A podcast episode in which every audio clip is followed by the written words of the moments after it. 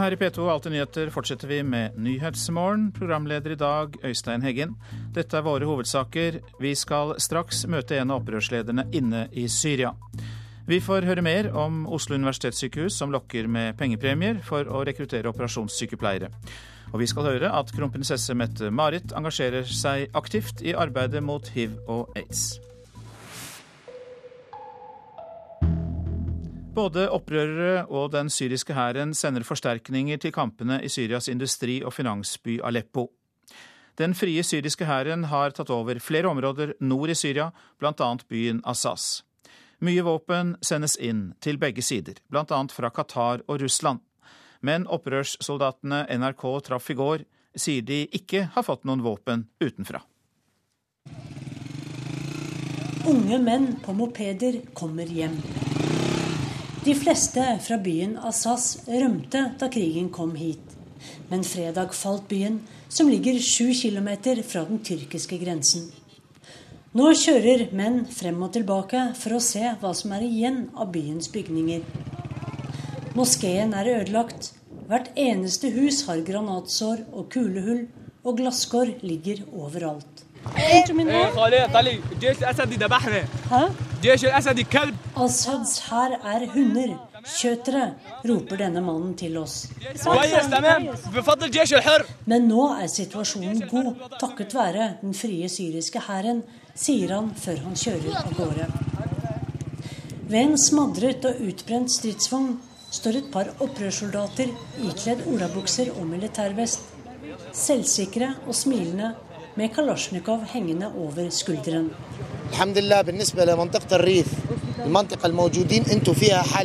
Vi har full kontroll her og i hele den nordlige provinsen i landet. Assads gjenger er ute, og vi er i ferd med å ta Aleppo også, sier mannen som presenterer seg selv som kaptein Ahmed fra den frie syriske hæren. Han hilser ikke på kvinnelige reportere, sier han, men gir mer enn gjerne et intervju. من وين السلاح؟ غنائم من الجيش عصابات الاسد من من قطر؟ يوق يوق عصابات الاسد Hvor får de våpen fra, spør jeg. Er det fra Qatar? Våpnene er fra hæren, ikke fra Qatar. Vi har tatt dem fra Assad-regimets militærbaser, sier kaptein Ahmed. Ikke en eneste kule har vi fått fra arabiske, muslimske eller andre land. Kaptein Ahmed forteller at kampene i Aleppo er krevende, fordi opprørerne bare har lette våpen, mens regimet har satt inn kamphelikoptre i tillegg til tungt artilleri. Men vi var ikke redde da vi begynte opprøret uten våpen, sier Ahmed, som er fra det syriske opprørets vugge, Dera. Så hvorfor skulle vi være redde nå, nå som vi har våpen, spør han. Assas er i den frie syriske hærens hender nå, men er en by uten vann og strøm. Vi har kontakt med byens vannverk og det lokale elverket. Og sammen jobber vi for å skaffe strøm og vann, slik at byen blir levelig for folk igjen. Mens jeg vandrer rundt i ruinene etter en moské, hører jeg plutselig en lav, klagende lyd langt nedenifra. En katt mjauer og mjauer. Den er stengt inne under betong og armeringsjern. Mens kattens ni liv sakte ebber ut, våkner byen igjen til et slags liv. Og det var Sisselvold som rapporterte fra Syria. Her hjemme er spesialsykepleiere blitt mangelvare. Operasjonssykepleiere er det allerede. Nå lokker Oslo universitetssykehus med engangsutbetalinger på 40 000 kroner for å få rekruttert de operasjonssykepleierne de trenger. For med dagens bemanning går det bare akkurat rundt, sier assisterende leder ved akuttklinikken Anders Holtan. Men det er trangt. Det krever eh, ekstra innsats både for ledere og også til dels ekstra innsats fra de ansatte for å få eh, dekket alle operasjonene. I verste fall kan operasjoner måtte utsettes, sier Holtan. Og det er ikke bare i Oslo det mangler operasjonssykepleiere. Og dette er også et problem som dessverre er felles for hele, hele landet. Det er mangel på operasjonssykepleiere ved stort sett alle norske sykehus. Og man sliter fælt med å få ting til å gå rundt. Akuttavdelingen i Oslo har ti ledige jobber som operasjonssykepleiere. I kampen om å trekke til seg søkere lover sykehuset nå altså 40 000 kroner minus skatt etter ett år i jobb. Det har vært en viss interesse. Vi har fått ca. 15 henvendelser. Sier fungerende personaldirektør Anne Flagstad. Hvorav åtte til ni av de er kvalifiserte søkere. Vi hadde kanskje ønsket at det skulle være enda flere. Med tanke på den brødannonseringen vi har hatt. Den har ligget ute i ca. en måneds tid. I sykepleien og på Nav og på finn.no.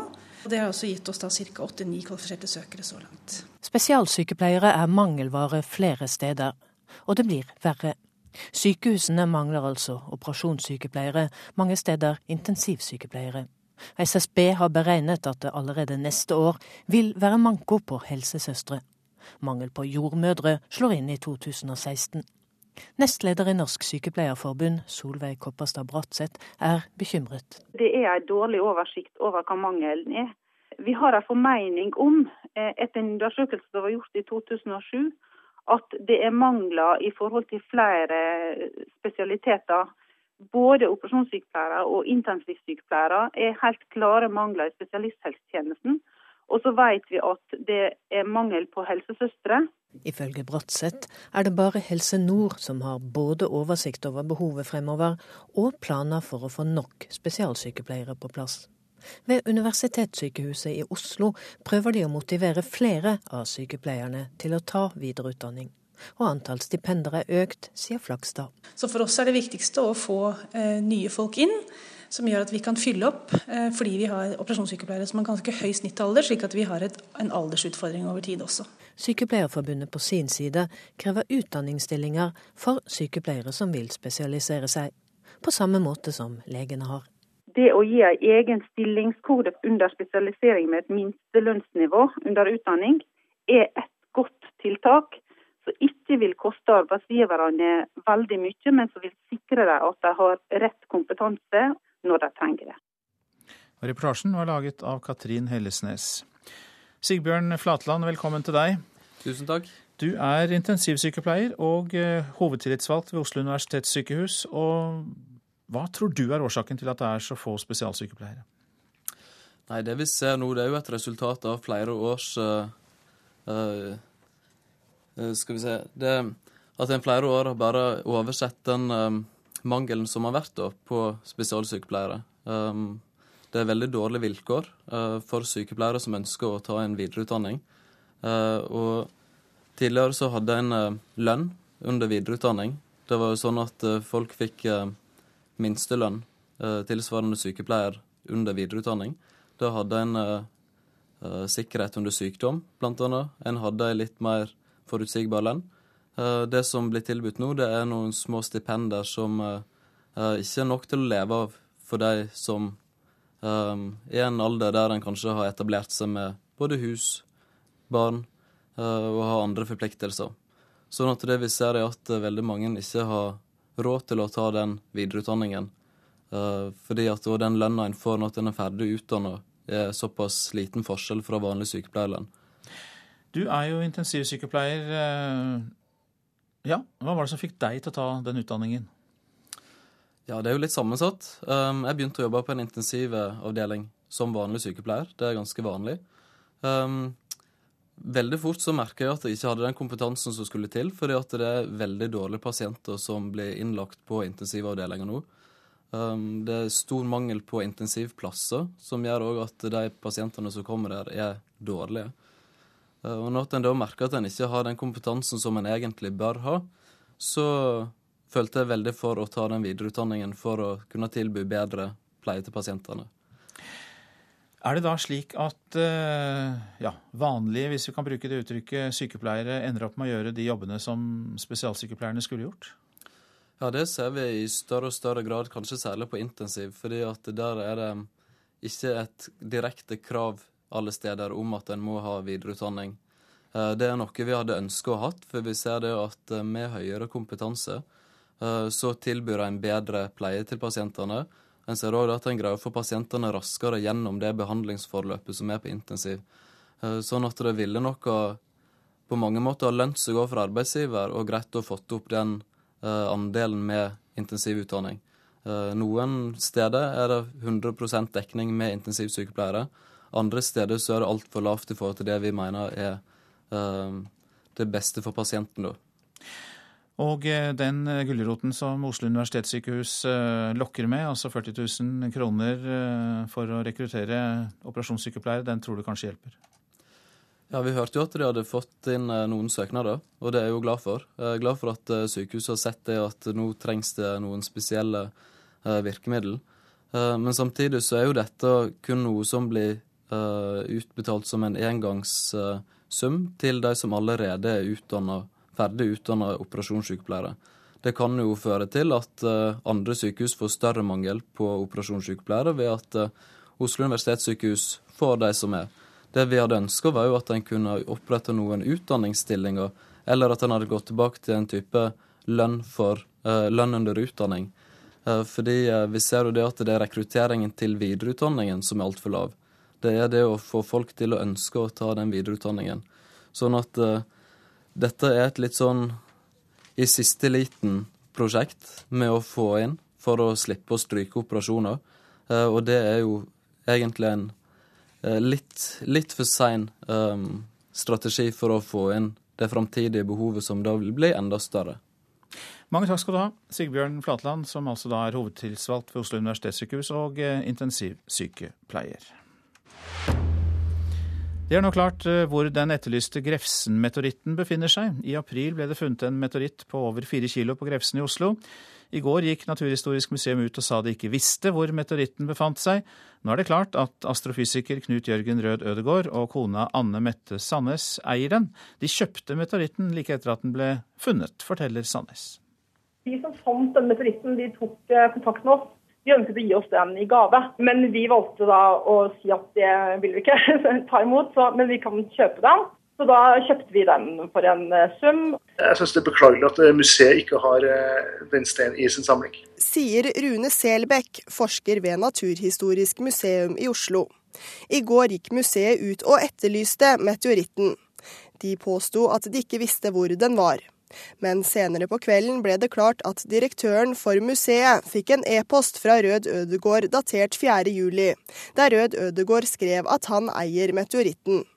Selbekk sier at han ikke var klar over denne e-posten før i går kveld. Det er informasjon jeg burde ha lagt på bordet for lenge siden. Selbekk skulle ønske at meteoritten tilhørte Naturhistorisk museum. Rødegård er en, en kommersiell aktør i, i, markedet. Han har sine økonomiske interesser i det her, og eh, ja, og museet har sine, sine, forskningsinteresser først og fremst, og utstilling i tillegg. Så eh, det er jo en eh, viss interessekonflikt, kan du si. Men Rød Ødegård og Sandnes lover at de verken skal splitte steinen eller selge den til utlandet. Nå I første omgang så tar vi godt vare på den, og så kommer vi nok til å vise den frem til publikum på forskjellige astroshow og opptredener som vi har rundt omkring i landet i høst. Vi er veldig opptatt av at flest mulig mennesker skal få se disse meteorittene. Det er veldig mange mennesker i Norge som er interessert i meteoritter, men sjelden har anledning til å reise til et av museene som har meteoritter utstyrt. Selbekk ved Naturhistorisk museum ønsker seg både meteoritten og en lov som sikrer museene kjøpsrett på meteoritter i fremtiden. Jeg håper jo fortsatt at eh, denne meteoritten her kan komme til Naturhistorisk museum. Og samtidig også at vi kan få et, et sterkere regelverk som sikrer at eh, altså unike eh, naturobjekter, både meteoritter, mineraler og fossiler, skal sikres, sånn at eh, et museum skal være den som har, får først får tilbudet om å, kjøpe tilsvarende objekter. Reporter Jannike Møller Andersen. På Oslo lufthavn Gardermoen har vi hittil i år lagt igjen 1700 mobiltelefoner. 3000 mobiltelefoner ble lagt igjen på flyplassen i fjor, og sju av ti ble aldri hentet. Forsikringsselskapene spår en økning på 30% i utbetalingene. Selskapet frykter at mange oppgir at ting er blitt stjålet, selv om folk egentlig har glemt dem igjen. På hittegodsen på Gardermoen vet man at ferietid betyr eh, at mange er stressa, og reisende legger igjen eiendeler. De er stressa, flyskrek, de har tatt seg en liten eh, knert om morgenen. Da er de helt borte. For folk på reisefot glemmer igjen alt mulig på flyplassen, ifølge serviceleder på Hittegodsen, Håvard Sandnes Moen. Masse medisiner. Vi får jo sånn oksygenkofferter med maske og luft, som folk gjerne må ha i Syden, men det står her. Folk ringer jo desperate. Jeg må ha det medisinen, det er kjempeviktig'. Ja, hvorfor glemte hun da? Men når det automatiske hyllesystemet hos hittegodsen åpner seg, avsløres det at mobiltelefoner er noe av det som vi glemmer aller oftest. Smarttelefoner har vært voldsom økning. Og iPader og iPhone og Samsung Galaxy. Det er, eh, det har blitt en voldsom økning. Fram fra hyllene kommer eske på eske med telefoner. Sandnesmoen har hittil i år samlet inn 1700 stykker. Totalt i fjor ble det 3000. Det er så mye, vet du. Likevel blir sju av ti gjenstander aldri hentet igjen, til Sandnesmoens store fortvilelse. Hvorfor ringer de oss ikke? Må jo spørre, vi har jo masse liggende. Folk tror at alt blir stjålet hele tida, vet du. Jo, det er nok eh, helt i tråd med det vi har erfaring fra òg. Eh, folk undersøker ikke på hittegodsen i særlig grad. Gjenglemt gir ikke forsikringsutbytte. Jack Frosta, informasjonsdirektør i If Europeiske, sier de hvert år avslører saker hvor folk melder det glemte som stjålet. Naturligvis har vi de sakene også, og det avslører vi jo hvert eneste år. I 2012 ventes en rekordhøy utbetaling for tapt og stjålet reisegods på 400 millioner kroner. Det viser en prognoseutregning som forsikringsselskapene i Norge har gjort. Og Det er i så fall en økning på en 20-30 så det er formidable tall det er snakk om. Er det litt brunt skinn på den, eller? Inne hos Hittegodsen er sommertid den travleste perioden. Stressa familier som gjerne er lite vant med å reise, legger igjen litt av hvert. Nå er det jo høysesong. Nå er det jo, vi er på den verste tida nå, midt i fellesferien. Det er mye folk som ikke flyr mye. Og selv om en gjenglemt mobiltelefon kan skape mye trøbbel, kan også tapet av kosebamsen bli alvorlig. Nå er det sikkert 50 unger som ikke får sove nå. Fantorangen, Gammelsmurf, Nysgjerrig Nils.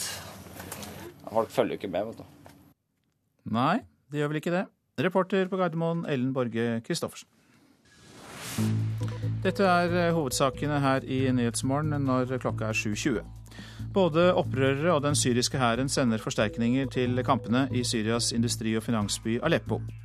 Oslo universitetssykehus lokker med pengepremier for å rekruttere operasjonssykepleiere. Og vi skal høre at uh, turistene skal lokkes med harry holevandringer i Oslo. Over 25 000 mennesker er samlet i Washington denne uka på en global aids-konferanse. Som FNs støttespiller har kronprinsesse Mette-Marit engasjert seg aktivt i arbeidet mot hiv og aids. Hun ber det internasjonale samfunn om å fortsette med sin pengestøtte. Det handler fortsatt om å hjelpe, over 30 år etter at de første hiv- og aids-smittede ble rammet. Til sammen har over 25 millioner mennesker dødd av sykdommen. Det er ikke funnet noen måte å kurere smitten på, ei heller noen vaksine. Denne uken er forskere samlet her i Washington DC for å diskutere hvordan man bedre kan forebygge, behandle og eventuelt klare å finne en kur for sykdommen. En norsk kronprinsesse er aktivt til stede på den 19. internasjonale aids-konferansen. Som FNs støttespiller ser kronprinsesse Mette-Marit visse tegn til lysere tider. Dette er min tredje aids-konferanse. Det er flott å komme tilbake til så gode resultater. Eh, nå er det flere folk på behandling enn noen gang. Det er åtte millioner i verden som er nå er på behandling. 1,4 millioner økning siden 2010. Er eh, aids-arbeidet i ferd med å gå litt i glemmeboken for folk flest? Jeg tror det kommer litt an på hvor, eh, hvor, og hvem du spør. Men jeg tror det som denne konferansen viser nå veldig, at nå er det veldig tydelig at det er et veldig stort fokus her i USA. Veldig stort fokus her i Washington. Washington er jo en av de byene i verden som har høyest eh, infeksjonstall. De har jo eh, infeksjonstall nærmere opp på 20% Så det er jo veldig spennende å være og ha denne konferansen her, hvor det er et så viktig tema. Over 30 millioner mennesker lever med hiv-smitte verden over. På konferansen i går kveld fortalte kronprinsessen om sin nylige reise til India og sitt møte med en åtte år gammel hiv-positiv jente i slummen. Aisha er åtte år gammel, eh, hiv-positiv og har en TB-infeksjon i tillegg. Hun nettopp begynt å spise igjen etter eh, to måneder og var bitte, bitte liten. Og vi vet jo ikke om eh, hun kommer til å klare seg. Hvilket inntrykk gjør sånne møter med enkeltmennesker for eh, kronprinsessen? Jeg tror det er utrolig viktig for å holde opp den derre eh, kampviljen og det der ønsket om å fortsette å jobbe med dette. For dette, å lese tall hele dagen, det er det ingen som blir eh, motivert av i forhold til å jobbe videre. Så jeg tror det å komme seg ut i felten er veldig viktig, i hvert fall for meg, for å huske på hva det egentlig jeg holder på med eh, når, jeg, når jeg bedriver dette arbeidet. Senere i dag skal kronprinsesse Mette-Marit besøke et senter for amerikanere som har levd med hiv i flere tiår. Senteret holder til noen kvartaler unna den store kongressalen her i Washington, og kronprinsessen skal møte brukerne på tomannshånd for å høre deres livshistorier. Jon Gelius, Washington. Legemiddelindustrien bidrar nå til kampen mot doping, sier Yvette Denes. Hun er en av to norske dopingjegere i den engelske hovedstaden under OL. Samarbeidet gir jegerne et fortrinn overfor utøvere som doper seg. Vi har nå eh, et veldig godt samarbeid med den farmasøytiske industrien, som eh, gir oss tilgang på stoffer før det kommer ut på markedet. Sånn at vi har mulighet til å lage metoder for påvisning før det er tilgjengelig for utøverne. Det will make London 2012 the most tested games de mest gjennomtesta lekene noensinne, fastslo John Fahey, president i det internasjonale antidopingbyrået WADA, på en pressekonferanse i går. Uh, Vi blir informert om nye medisiner lenge før de kommer ut på markedet, forteller Fahey. Ole Rolfsrud rapporterte. Så avisene i dag. Slik rekrutterer han sitt hatnettverk, skriver VG. Anders Behring Breivik skriver brev til høyreekstreme støttespillere for å be om hjelp til å fortsette sin kamp. Fengselet vurderer å gripe inn. Ingenting øker mer i pris enn små boliger, kan vi lese på Aftenpostens første side. Framfor å leie betaler unge boligkjøpere stadig mer for de aller minste leilighetene. Boliger under 40 kvadratmeter har hatt en prisøkning på 10% det siste året. Der nesten ingen vil bo, skriver derimot Dagens Næringsliv om Dyrøy. I over 50 år har denne kommunen i Troms hatt fraflytting, men nå skal bredbånd og tilskudd snu trenden. Henrik tilbyr snømåking, andre passer barn, skriver Nordlys, som gjengir annonser fra studenter som kjemper om utleieboligene i Tromsø. 1500 studenter står uten bolig før semesterstart. Dagbladet skriver om flere drap med litauere involvert som ryster Norge. Kriminelle litauere utgjør en av de største truslene mot Norge, sier Kripos. Smøreturer til OL er ut, får vi vite i Finansavisen. Nesten ingen av de store norske selskapene som er inne på sponsorsiden, har planlagt noen storslåtte turer for sine kunder til sommer-OL. Kvinnelige forskere føler seg forbigått og når ikke til topps, skriver både Bergens Tidende og Klassekampen. De gjengir en undersøkelse som viser at åtte av ti kvinner ved skandinaviske universiteter opplever manglende likestilling. Rovdyr som dreper, slipper unna jaktlag, skriver Nasjonen. Langt under halvparten av de skaderovdyrene som det ble gitt fellingstillatelse på, blir felt, viser tall fra fylkesmennene. Sultestreik ved Domkirken er oppslaget i Adresseavisen. En person fra gruppen av romfolk ved Nidarosdomen i Trondheim startet en sultestreik i går. Romfolket føler at deres problemer ikke blir løst, selv om de i dag skal få tilbud fra Kirkelig fellesråd om et sted de kan flytte til. Tvang gjennom bistandsmidler til Norway Cup leser vi i Vårt Land. Bistandsminister Heikki Holmås grep inn da Norad mente at pengene ville gjøre mer nytte for seg i fattige land enn i Norway Cup.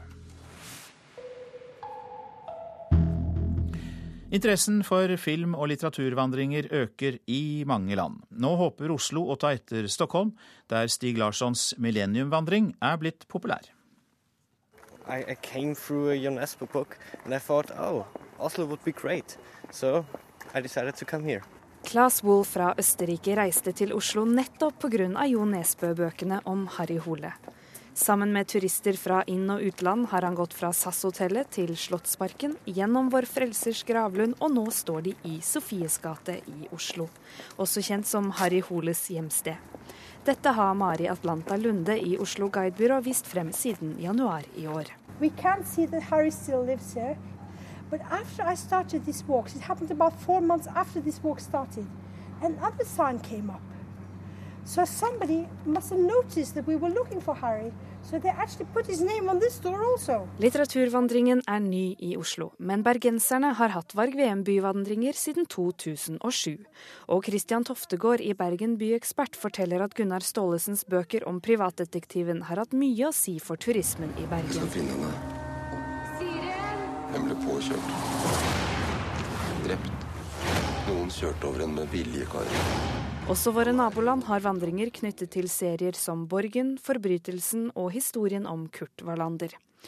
Programprodusent ved Stockholm stadsmuseum forteller at de startet med millenniumvandringer basert på Stig Larssons trilogi i Stockholm i 2008. Og interessen den har økt i takt med filmutgivelsene. Nå har de hele fire vandringer i uka. Vi gjorde helt enkelt en vandring der vi viste karakterene i bøkene, deres miljøer, og vevde inn Stockholms historie. Og sen så märkte vi at besøkerne og våra, vår publik uppskattade vandringene veldig mye. Så vi har fortsatt med dem og haft dem både på svensk og engelsk. og en stort antall andre språk. Tilbake i Oslo nærmer den guida turen seg slutten. Siste stopp er Holes stampub Skrøder i Valdemar Tranes gate. Men puben var ikke helt lik den Klas hadde forestilt seg. It's a dark room, but no ships. It's, yeah. You can picture him good sitting at the window, objecting the people. Mari Atlanta Lunde røper at de ikke har fått føringer fra forfatter Jo Nesbø om utformingen av vandringene. Han har ønsket oss lykke til og sagt vær flinke, og naturligvis så gjør vi så godt vi kan. Og reporter her, det var Karen Sylte Hammeren. Prosent for Nyhetsmorgen er Elin Pettersen, her i studio Øystein Heggen.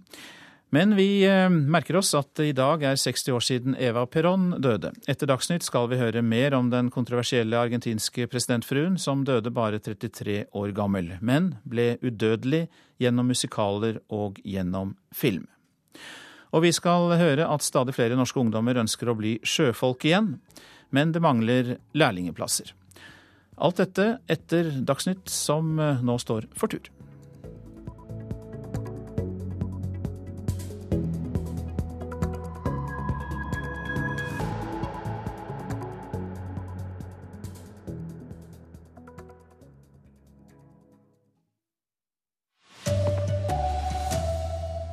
Kampene i Syria intensiveres, våpen strømmer inn fra utlandet.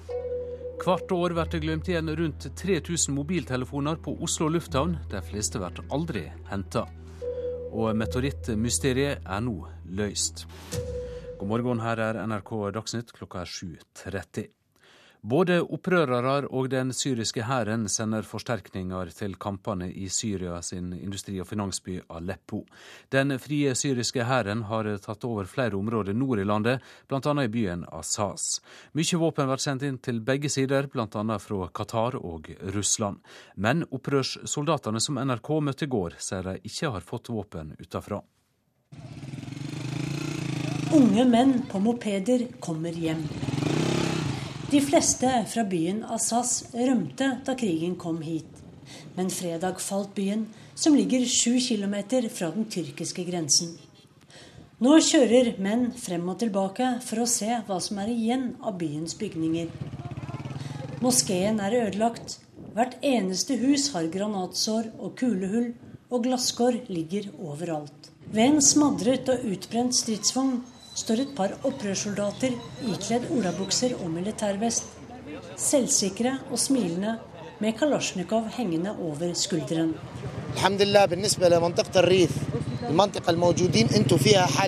Vi har full kontroll her og i hele den nordlige provinsen i landet. Assads gjenger er ute, og vi er i ferd med å ta Aleppo også, sier mannen som presenterer seg selv som kaptein Ahmed fra den frie syriske hæren. من وين السلاح؟ غنائم من الجيش عصابات الاسد من من قطر؟ يوق يوق عصابات الاسد Hvor får de våpen fra, spør jeg. Er det fra Qatar? Våpnene er fra hæren, ikke fra Qatar. Vi har tatt dem fra Assad-regimets militærbaser, sier kaptein Ahmed. Ikke en eneste kule har vi fått fra arabiske, muslimske eller andre land. Reporter var Sissel Wold. Folk glemmer som aldri før når de skal ut og reise. På Oslo lufthavn Gardermoen er det så langt i år lagt igjen 1700 mobiltelefoner. Sju av ti blir aldri henta. Forsikringsselskapene spår en økning på 30% i økte utbetalinger, og frykter at mange melder attglemte ting som ståle. Og det er i ferietida at hittegodsavdelinga på Gardermoen har det travlest. Nå er det jo høysesong. Nå er vi er på den verste tida nå. Men folk klarer ikke. vet du. Barnevogner, rullestol, krykker. Trenger du ikke krykka di plutselig? Eh, hva er det for noe? Det automatiske hyllesystemet hos hittegodsen er breddfullt av gjenglemte ting. Alle eskene med mobiltelefoner er kanskje det mest iøynefallende, og noe av det serviceleder Håvard Sandnesmoen får inn aller mest av. Hittil i år hele 1700 stykker. I fjor ble det totalt ca. 3000. Smarttelefoner har vært voldsom økning. iPhone og Samsung Galaxy. Det er eh, det er blitt en voldsom økning. Men likevel blir sju av ti aldri hentet igjen, til Sandnesmoens store fortvilelse. Hvorfor ringer de oss ikke? Må jo spørre, vi har jo masse liggende. Folk tror at alt blir stjålet hele tida, vet du. Jo, det er nok eh, helt i tråd med det vi har erfaring fra òg. Eh, folk undersøker ikke på hittegodsen i særlig grad. Gjenglemt dekkes ikke av forsikringsselskapene. Jack Frosta i If Europeiske sier at de hvert år har flere saker hvor folk melder dette som stjålet. Naturligvis har vi de sakene også, og det avslører vi jo hvert eneste år. Og etter 2012 ventes en rekordhøy utbetaling for tapt og stjålet reisegods på 400 millioner kroner. Og det er i så fall en økning på en 20-30 30% så det er formidable tall det er snakk om. Er det litt brunt skinn på den, eller? Sommersesongen er definitivt høytid for hittegodsen. Det er feriemodus. De er stressa, flyskrek. De har tatt seg en liten en eh, knert om morgenen. Så er de helt borte. Ja, reporter her var Ellen Borge Christoffersen. Operasjonssykepleiere er mangelvare. Nå lokker Oslo universitetssykehus med engangsutbetalinger på 40 000 kroner for å rekruttere sykepleiere. Fungerende personaldirektør Anne Flagstad er ikke helt fornøyd med responsen. Vi har fått ca. 15 henvendelser, hvorav 8-9 av de er kvalifiserte søkere. Men det er klart at uh, vi hadde kanskje ønsket at det skulle være enda flere. Mangelen på operasjonssykepleiere ved OUS er ikke noe nytt. I kampen om å trekke til seg søkere lover sykehuset nå altså 40 000 kroner minus skatt etter et år i jobb. Det faller i god jord hos Norsk Sykepleierforbund. Det å gi ekstra lønn lønner seg i forhold til at sykepleiere vil ta videreutdannelse, og at de søker på stillinger. Sier nestleder Solveig Kopperstad Bratseth. Spesialsykepleiere er mangelvare både ved sykehus og i kommuner. Stavanger kommune har nylig varslet 60 000 kroner i lønnsøkning på visse betingelser. Universitetssykehuset i Oslo prøver å få flere av sykepleierne til å ta videreutdanning, og har økt antall stipender. Så for oss er det viktigste å få eh, nye folk inn, som gjør at vi kan fylle opp, eh, fordi vi har operasjonssykepleiere som har ganske høy snittalder, slik at vi har et, en aldersutfordring over tid også. Men Sykepleierforbundet krever utdanningsstillinger for sykepleiere som vil spesialisere seg, på samme måte som legene har. Det å gi en egen stillingskode under spesialisering med et minstelønnsnivå under utdanning, er et godt tiltak som ikke vil koste arbeidsgiverne veldig mye, men som vil sikre dem at de har rett kompetanse når de trenger det. Det sa fungerende personaldirektør Anne Flagstad, reporter var Katrin Hellesnes. FN sendte i går ut en appell til det internasjonale samfunnet om å gi penger til den palestinske selvstyremakta som gjennomgår ei likviditetskrise. Den palestinske selvstyremakta opplyste tidligere i år at den skulda 1,5 milliarder dollar til banker og bedrifter. I løpet av året har den økonomiske krisa økt for regjeringa til president Mahmoud Abbas, sier FN sin spesialkoordinator for fredsprosessen i Midtøsten, Robert Serry. Det er nå klart hva den etterlyste Grefsen-meteoritten er. I går gikk Naturhistorisk museum ut og sa at de ikke visste hvor meteoritten var blitt av. Nå er det klart at det er astrofysiker Knut Jørgen Rød Ødegård og kona Anne Mette Sandnes som har meteoritten. Jeg synes det er beklagelig at museet ikke har eh, den steinen i sin samling. Sier Rune Selbekk, forsker ved Naturhistorisk museum i Oslo. I går gikk museet ut og etterlyste meteoritten. De påsto at de ikke visste hvor den var.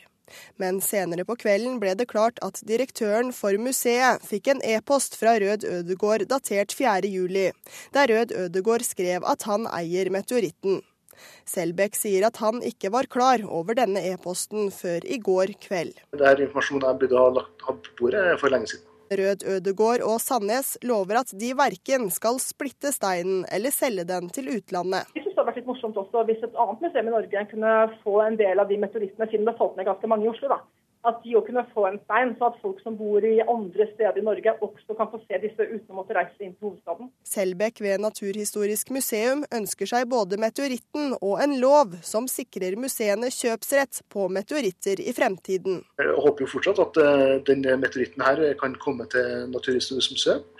Og samtidig også at vi kan få et, et sterkere regelverk som sikrer at eh, et museum skal være den som har, får først får tilbudet om å kjøpe Eh, tilsvarende objekter. Reporter Jannike Møller Andersen. Statoil hadde i andre kvartal et driftsresultat på 62 milliarder kroner. For noen få minutter siden ble resultatet kjent, og det viser en økning på 2% fra samme periode i fjor. Statoil holder fram med å levere gode økonomiske resultat, sier konsernsjef Helge Lund.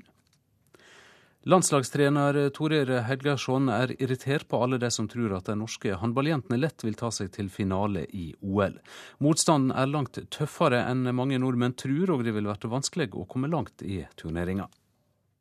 All norsk media eh, har fått med seg den norske befolkning på å selge alle skinner før bjørnene har skutt. Og det det har sjelden god taktikk. Så vi forsøker nå å leve i hverdagen og leve i en verden med topphåndball som vi vet er tøff. Den ellers så sindige treneren blir merkbart irritert når han snakker om forventningene til håndballjentene. De som sitter hjemme i Norge og tror at de skal sitte og se Norge surfe igjennom noe, de tror jeg må ta på seg andre briller. Begrunnelsen er at motstanderne i OL har utviklet seg, blir bedre og bedre, og i et mesterskap lever alle kampene sitt eget liv. Vi lever greit med at det er forventninger til oss, men eh, vi er ganske ydmyke. Og vi skulle gjerne ønsket at det var flere som var det. Spillerne støtter treneren i at det ikke vil bli så lett å ta seg til en OL-finale og kjempe om gull, som mange i Norge tror. Blant dem Karoline Dyhre Breivang og Kari Mette Johansen. I OL så er det bare gode lag, og det blir eh, knalltøffe kamper alle sammen. Reporter i London Geir Elle. Ansvarlig for denne sendinga Ane Gjørem, teknisk ansvarlig Hilde Tosterud og i studio Odd Christian Dale.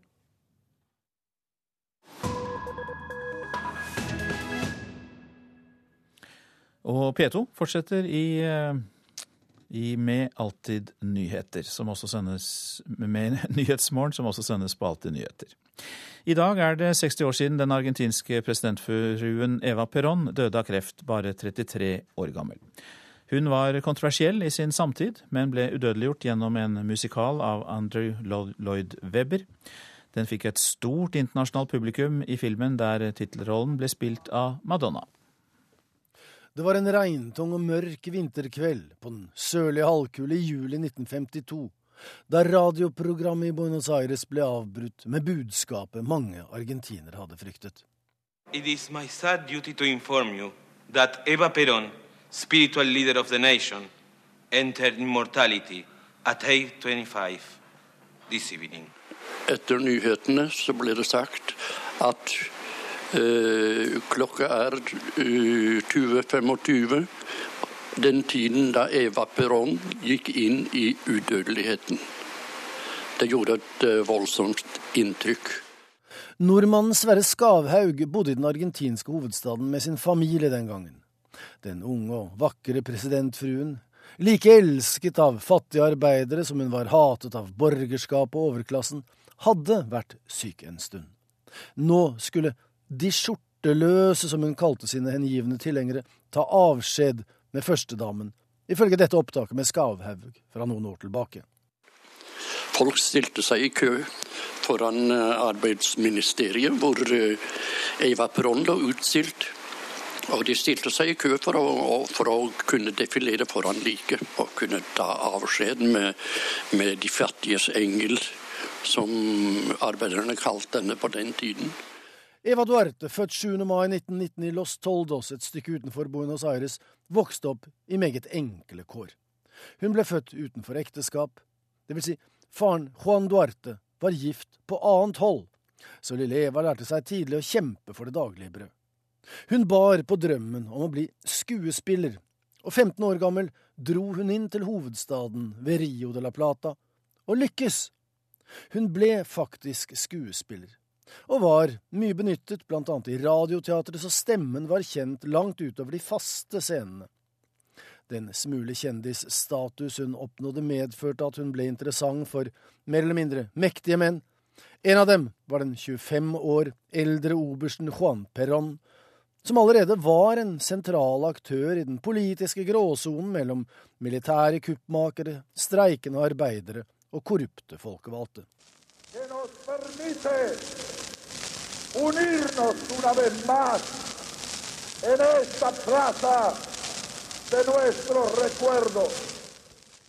Etter valget i 1946, der en allianse ledet av Perón vant, så ble han Argentinas president, og den 26 år gamle førstedamen inntok raskt en svært sentral posisjon. Hun husket hvor hun kom fra, og hjalp de skjorteløse, som hun sa. En symaskin til mor, verktøy til far, en fotball til guttungene, en dukke til vesla. Almisser til folk som ikke hadde noe. Det var ikke akkurat rom for disse gavene over statsbudsjettet, men mottakerne de yngste den gang er i dag pensjonister. De har aldri glemt hva hun gjorde. I 1951 avslo hun å bli visepresident, angivelig på grunn av sykdommen, men offisielt fordi hun ikke var ute etter titler. Kjærligheten fra folket var det hun var opptatt av.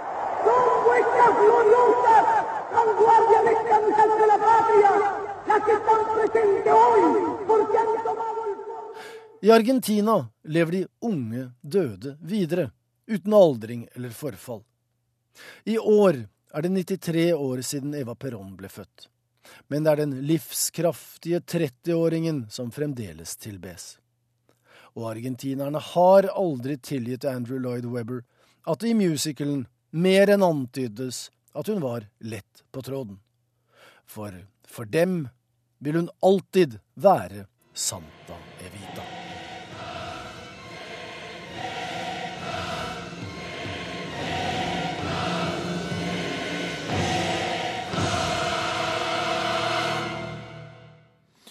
Joar O. Larsen hadde laget reportasjen, og til høsten skal Det Norske Teater sette opp Lloyd Webbers musikal med Heidi Gjermundsen Broch som Eva Perón. Klokka har passert eh, kvart på åtte, og dette er eh, Nyhetsmorgen. Vi har disse hovedsakene. Både opprørere og den syriske hæren sender forsterkninger til kampene i Syrias industri- og finansby Aleppo. Oslo universitetssykehus lokker med pengepremier for å rekruttere operasjonssykepleiere. Og hvert år glemmes rundt 3000 mobiltelefoner på Oslo lufthavn. De fleste hentes aldri igjen av sine eiere. Etiopiske kvinner som er blitt voldtatt av politiet i hjemlandet, får ikke asyl i Norge, hevder Norsk organisasjon for asylsøkere. Ifølge NOAS ble de fleste av kvinnene utsatt for systematiske forfølgelser og overgrep. NOAS mener at norske myndigheter ikke forstår hvordan disse overgrepene mot de etiopiske kvinnene har foregått. Istedenfor å definere voldtekten som eh, politisk forfølgelse og tortur i forbindelse med kvinnens politiske aktivitet, så definerer de det som enkeltstående kriminell handling utført av tjenestemenn som har eh, gått utover sine fullmakter. Det sier rådgiver Jon Ole Martinsen i Norsk organisasjon for asylsøkere, NOAS. De har gjennomgått flere saker hvor etiopiske kvinner har søkt asyl, og har funnet at i de fleste sakene har kvinnene blitt voldtatt av tjenestemenn i hjemlandet. Amnesty International mener norske myndigheter må være forsiktige når de vurderer om de skal sende hjem disse kvinnene. Systematisk bruk av voldtekt er en form for tortur, og hvis det er en sjanse for at disse kvinnene kan bli utsatt for dette igjen, da må de få bli, sier rådgiver i Amnesty, Patricia Kate. Disse kvinnene har vært utsatt for et alvorlig overgrep, og norske myndigheter kan aldri sende noen tilbake eh, til et land der de risikerer på nytt å bli utsatt for tortur. Nå har NOAS sendt et brev til utlendingsforvaltningen for å få dem til å endre praksis. For det er ikke noe galt med reglene, bare hvordan de tolkes. Jeg har stadig erget meg over og vært fortvilt over en standardbegrunnelse fra både UDI og UNE sin side, hvor voldtatte etiopiske kvinner eh, har fått beskjed om at de har blitt utsatt for en enkeltstående kriminell handling og bes henvende seg til hjemlandets eh, myndigheter for beskyttelse. De samme myndighetene som kvinnene har blitt utsatt for overgrepet fra. Og Innslaget var laget av Iver Kleiven og Toril Stavnes. Og eh, UDI har eh, ennå ikke mottatt brevet fra NOAS, og vil derfor ikke uttale seg om denne saken nå. Så til gjødselprodusenten Yara, som tror på lavere europeiske gasspriser framover. Det vil i så fall være gode nyheter for dem, for de får lavere kostnader. Men for Statoil og den norske stat betyr billigere gass mindre inntekter til skoler og sykehjem. Man kan eh, gjøre seg spekulasjoner, alle. Og der kan du like godt som jeg gjøre med spekulasjoner. Hvor vil vi ende opp i Europa, og hvor vil vi ende opp i Amerika? Men at vi tror du at det kommer til å bli litt eh, viss form for utjevning, det tror vi. Yaras konsernsjef Jørgen Ole Haslestad var fornøyd i forrige uke, da Yara la fram veldig gode kvartalstall. Og han ser lyst på framtida, bl.a. fordi selskapet tror på lavere gasspriser på det europeiske markedet, og dermed lavere kostnader for gjødselgiganten. Som følge av denne gassprisutviklingen som vi eh, har hatt og har i Nord-Amerika, altså med gasspriser som ligger med ned mot eh, to dollar på million BTU, hvor vi da har eh, her i Europa mellom åtte til ti. Eh, når vi vet også at eh, det blir mye import av LNG kommende inn til Europa på sikt. I Yara tror man prisen på LNG, altså nedkjølt flytende naturgass, vil havne midt mellom det europeiske og det amerikanske prisnivået. Akkurat det er ikke oljeanalytiker Tina Saltvedt i Nordea enig i. I Europa så tror vi at på litt sikt så skal gassprisene litt opp fra dagens nivå. Og det er rett og slett fordi at eh, etter hvert så vil etterspørselen smått øke. Men, men, det aller viktigste er rett og slett at eh, det kommer færre nye LNG-prosjekter på bane frem til 2015. Eh, og det gjør at markedet kan bli litt strammere, spesielt da med økt konkurranse fra Asia. Dette gjelder altså prisen på flytende gass. LNG. Men omtrent 80% av gassen som omsettes, selges i langsiktige gasskontrakter. Fra norske felt sendes gassen gjennom rørledninger på bunnen av sjøen til Europa. Og her blir det lavere priser framover, tror både Saltvedt og andre energianalytikere. Statoil er jo vår eh, viktigste leverandør av olje og gass, eh, spesielt til Europa. Det gjør jo at eh, lavere gasspriser på kontrakter, eh, langsiktige leveringsavtaler. Det vil også si at man får kanskje noe lavere inntekter enn det man hadde ventet for et par år siden. Tidligere har NRK fortalt at gassprisene blir lavere enn regjeringa og oljeselskapene hadde forestilt seg for noen år tilbake. Nå kan det se ut som om at man må kanskje revurdere det bildet litt. Både i oljeselskapene og, og i Finansdepartementet for inntekter. Det sa ekomforsker Kent Pedersen til NRK i fjor. Statoil, som i dag legger fram tallene for andre kvartal, satser likevel tungt på gassutvinning, både i Norge og på skifergass i USA. De kommenterer ikke kortsiktige gasspriser, men kommunikasjonsdirektør Eskil Eriksen peker på et kraftig økende behov for naturgass i tiårene som kommer. Nå investerer vi i eh, nye gassfelt i Norge, som f.eks. Åsta Hansteen. Og samtidig har vi jo investert eh, i skifer oljegass i USA. Og dette gjør vi fordi vi tror på verdipotensialet naturgass. Reporter her Linda Reinholdsen. Statoil hadde i andre kvartal et driftsresultat på 62 milliarder kroner. Og reporter Kent Amar Eriksen, du er på Statoils kontor på Vekkerø i Oslo. Hva mer kan du si om kvartalsresultatet? Ja, utenfor her skinner sola og fuglene kvitrer eh, sikkert på samme måte som Helge Lund også kvitrer litt ekstra akkurat nå. For eh, dette resultatet her er eh, overraskende, i hvert fall i forhold til hva analytikerne trodde før dagens fremleggelse. Som du sier, 62 milliarder, det er en økning på 2% sammenlignet med samme periode i fjor. Og det er altså ja, gode 13 milliarder mer enn det analytikerne forventa. Og analytikerne sier du de forventet ikke så bra tall. Eh, hva er grunnen til at de var litt skeptiske før det ble offentlig? Det handler vel mye om eh, urolighetene i, eh, i Midtøsten, økonomisituasjonen i Europa og ikke minst problemene også i USA og i Japan, nei, i Kina og Asia. Vi har, et, har en økonomi nå som, som, ligger litt på skrant. Men likevel så viser det seg at for Statoil så går det bra. Hva har bidratt til at eh, det går bra fortsatt for Statoil? Du, Statoil har eh, gjort det bra internasjonalt. Produksjonsøkningen på feltene har gått bra der. I tillegg har det også gått eh, veldig bra i Norge. Og så har det gjort, det gjort sånn at de har fullført salget av Statoil Fuel and Retail, altså bensinstasjonene. Det har også vært med på å bidra, i tillegg til andre sterke leteresultater. Og til slutt framtida da, Kent Amar Eriksen. Hva sier Statoil om den? Jo, det er jo dette her med, med, utfordringene i økonomien rett og slett som blir viktig. Vi satser på, hvis, eller Som det ser ut nå, så handler det jo om at eh, hvis det fortsetter med eurokrisen og usikkerheten i veksten der, og Kina også, så vil det si at lave oljepriser i USA vil kunne kutte ned prisene, men likevel uroen i Midtøsten vil dra den opp. Så ting er usikkert, men eh, for framtida for Statoil så ser det i hvert fall godt ut akkurat nå. Takk skal du ha, Kent Amar Eriksen, reporter eh, ved Statoils kontor på Vekkerø i Oslo. Nå om rederinæringen. I årevis har den jobbet hardt for å rekruttere flere norske sjøfolk, og nå har de endelig lykkes. Mange flere søker seg til maritime fag. Problemet nå er bare at uh, ungdommene står klare, men det er ikke nok lærlingeplasser klare hos rederiene. Ja,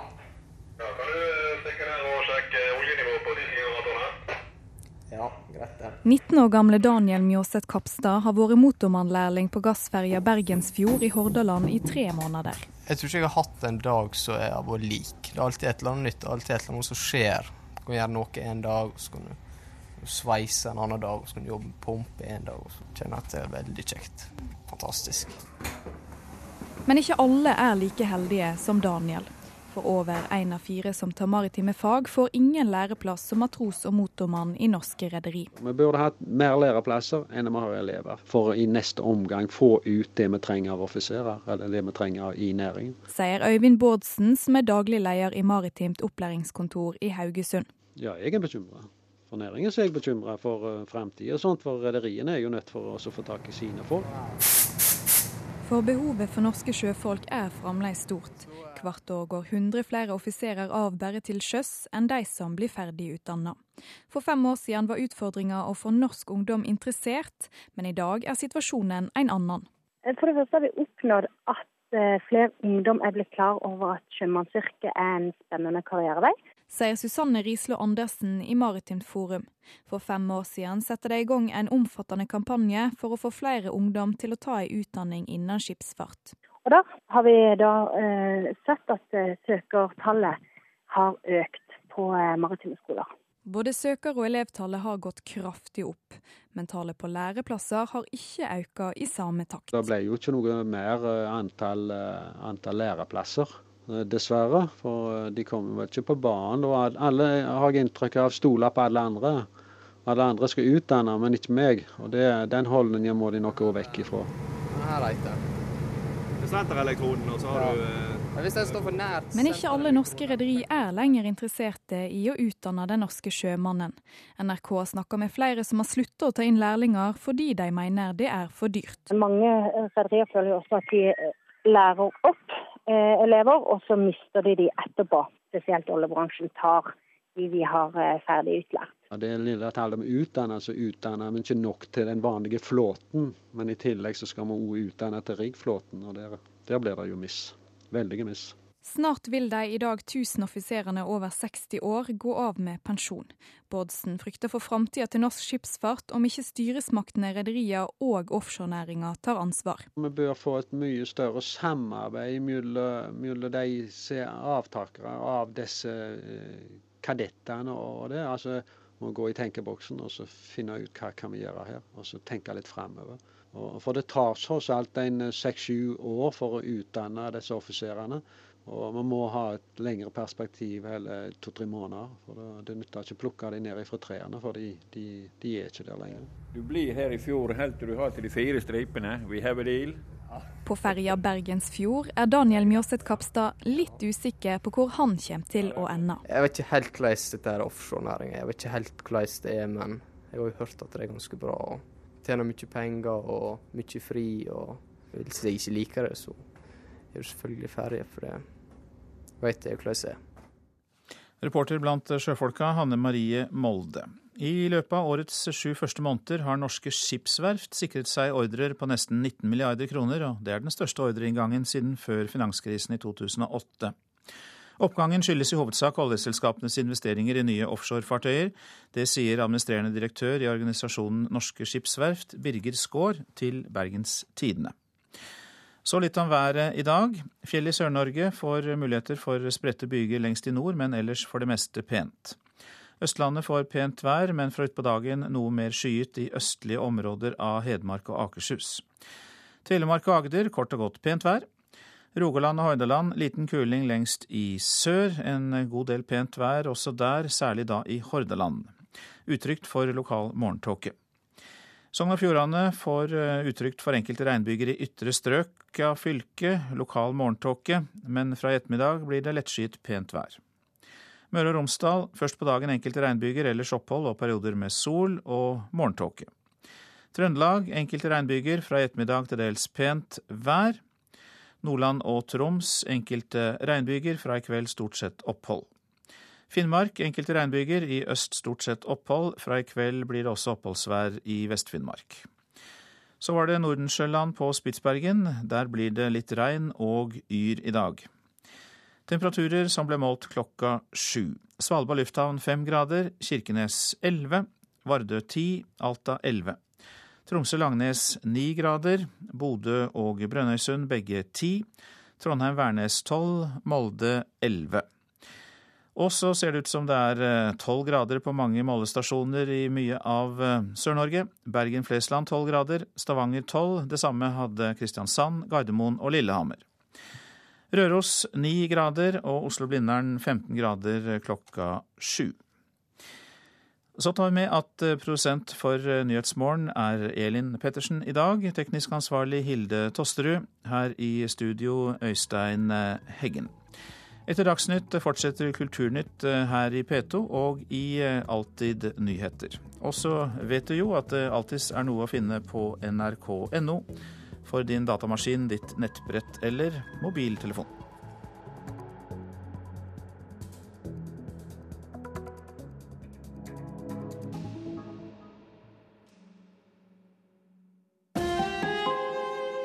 Hør ekko. Den søte, herreløse bikkja med de bedende øynene som blei din sommerforelskelse i Hellas. Den kan du vel ta med hjem til Norge for å gi et bedre liv. 7000 hunder kom over grensa på Gardermoen i fjor. Mange av dem gatehunder. Kan disse hundene true folkehelsa? Ekko mellom klokka ni og ti i NRK P2.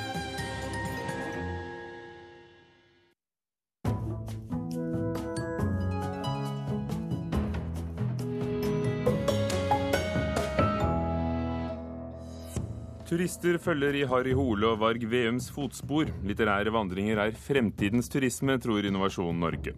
Ny konge og dialekt gjør at spelet om Heilag Olav på Stiklestad sitter som et skudd, tror vår anmelder. Og lidenskap er eh, tema i fransk filmpremiere denne uken, men vil den tenne, vår filmkritiker? Og Vi hører mer om Stiklestad og de andre sakene her i Kulturnytt i Nyhetsmorgen i NRK P2 Alltid nyheter med Ugo Fermariello i studio. Interessen for film- og litteraturvandringer øker, både i Norge og andre land. Oslo-guidene har nå tatt opp konkurransen med Stockholms Stig Larsson-vandringer, og tilbyr turer i Jo Nesbø og Harry Holes fotspor. I was looking for a holiday destination, and then I, I came through a Jon Espe book, and I thought, oh, Oslo would be great. So Claes Wohl fra Østerrike reiste til Oslo nettopp pga. Jo Nesbø-bøkene om Harry Hole. Sammen med turister fra inn- og utland har han gått fra SAS-hotellet til Slottsparken, gjennom Vår Frelsers gravlund, og nå står de i Sofies gate i Oslo. Også kjent som Harry Holes hjemsted. Dette har Mari Atlanta Lunde i Oslo Guidebyrå vist frem siden januar i år. But after I started these walks, it happened about four months after this walk started, another sign came up. So somebody must have noticed that we were looking for Harry, so they actually put his name on this door also. Litteraturvandringen er ny i Oslo, men bergenserne har hatt Varg VM-byvandringer siden 2007. Og Christian Toftegård i Bergen byekspert forteller at Gunnar Staalesens bøker om privatdetektiven har hatt mye å si for turismen i Bergen. Jeg skal finne henne. Den ble påkjørt. Drept. Noen kjørte over henne med vilje, Kari.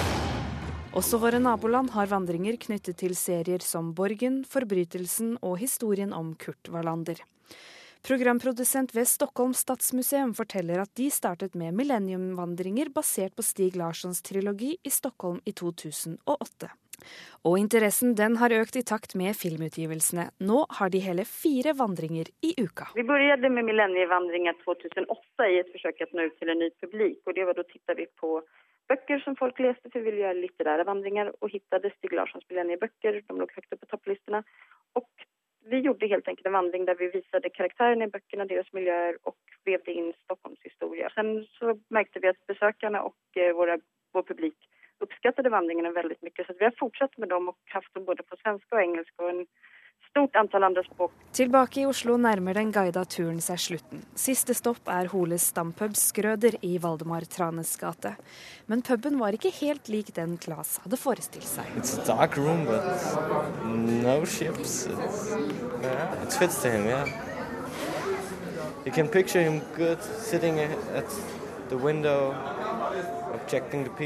Mari Atlanta Lunde røper at de ikke har fått føringer fra forfatter Jo Nesbø om utformingen av vandringene.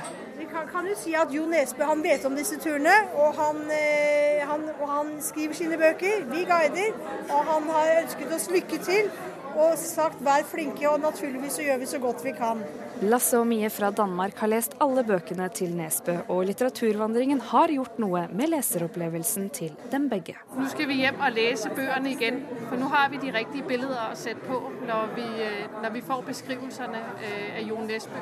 Altså, man vil jo aldri ha gått på de gater vi har gått på her, hvis ikke det var fordi at man, man øh, hadde den sammenheng med Harry Hole vi har gledet oss meget til å skulle, øh, skulle få en pils her på, på Skrøder for liksom å, å sette prikken over i på turen. Så det er, det er riktig godt å, å kunne, kunne, slutte her nede.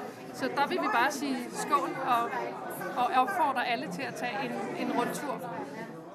Sa de danske turistene på Harry Hole-tur i Oslo sammen med vår reporter Karen Sylte Hammeren. Audun Pettersen, leder i reiselivsavdelingen Innovasjon Norge. Hvor stort kan litterær turisme bli, tror du?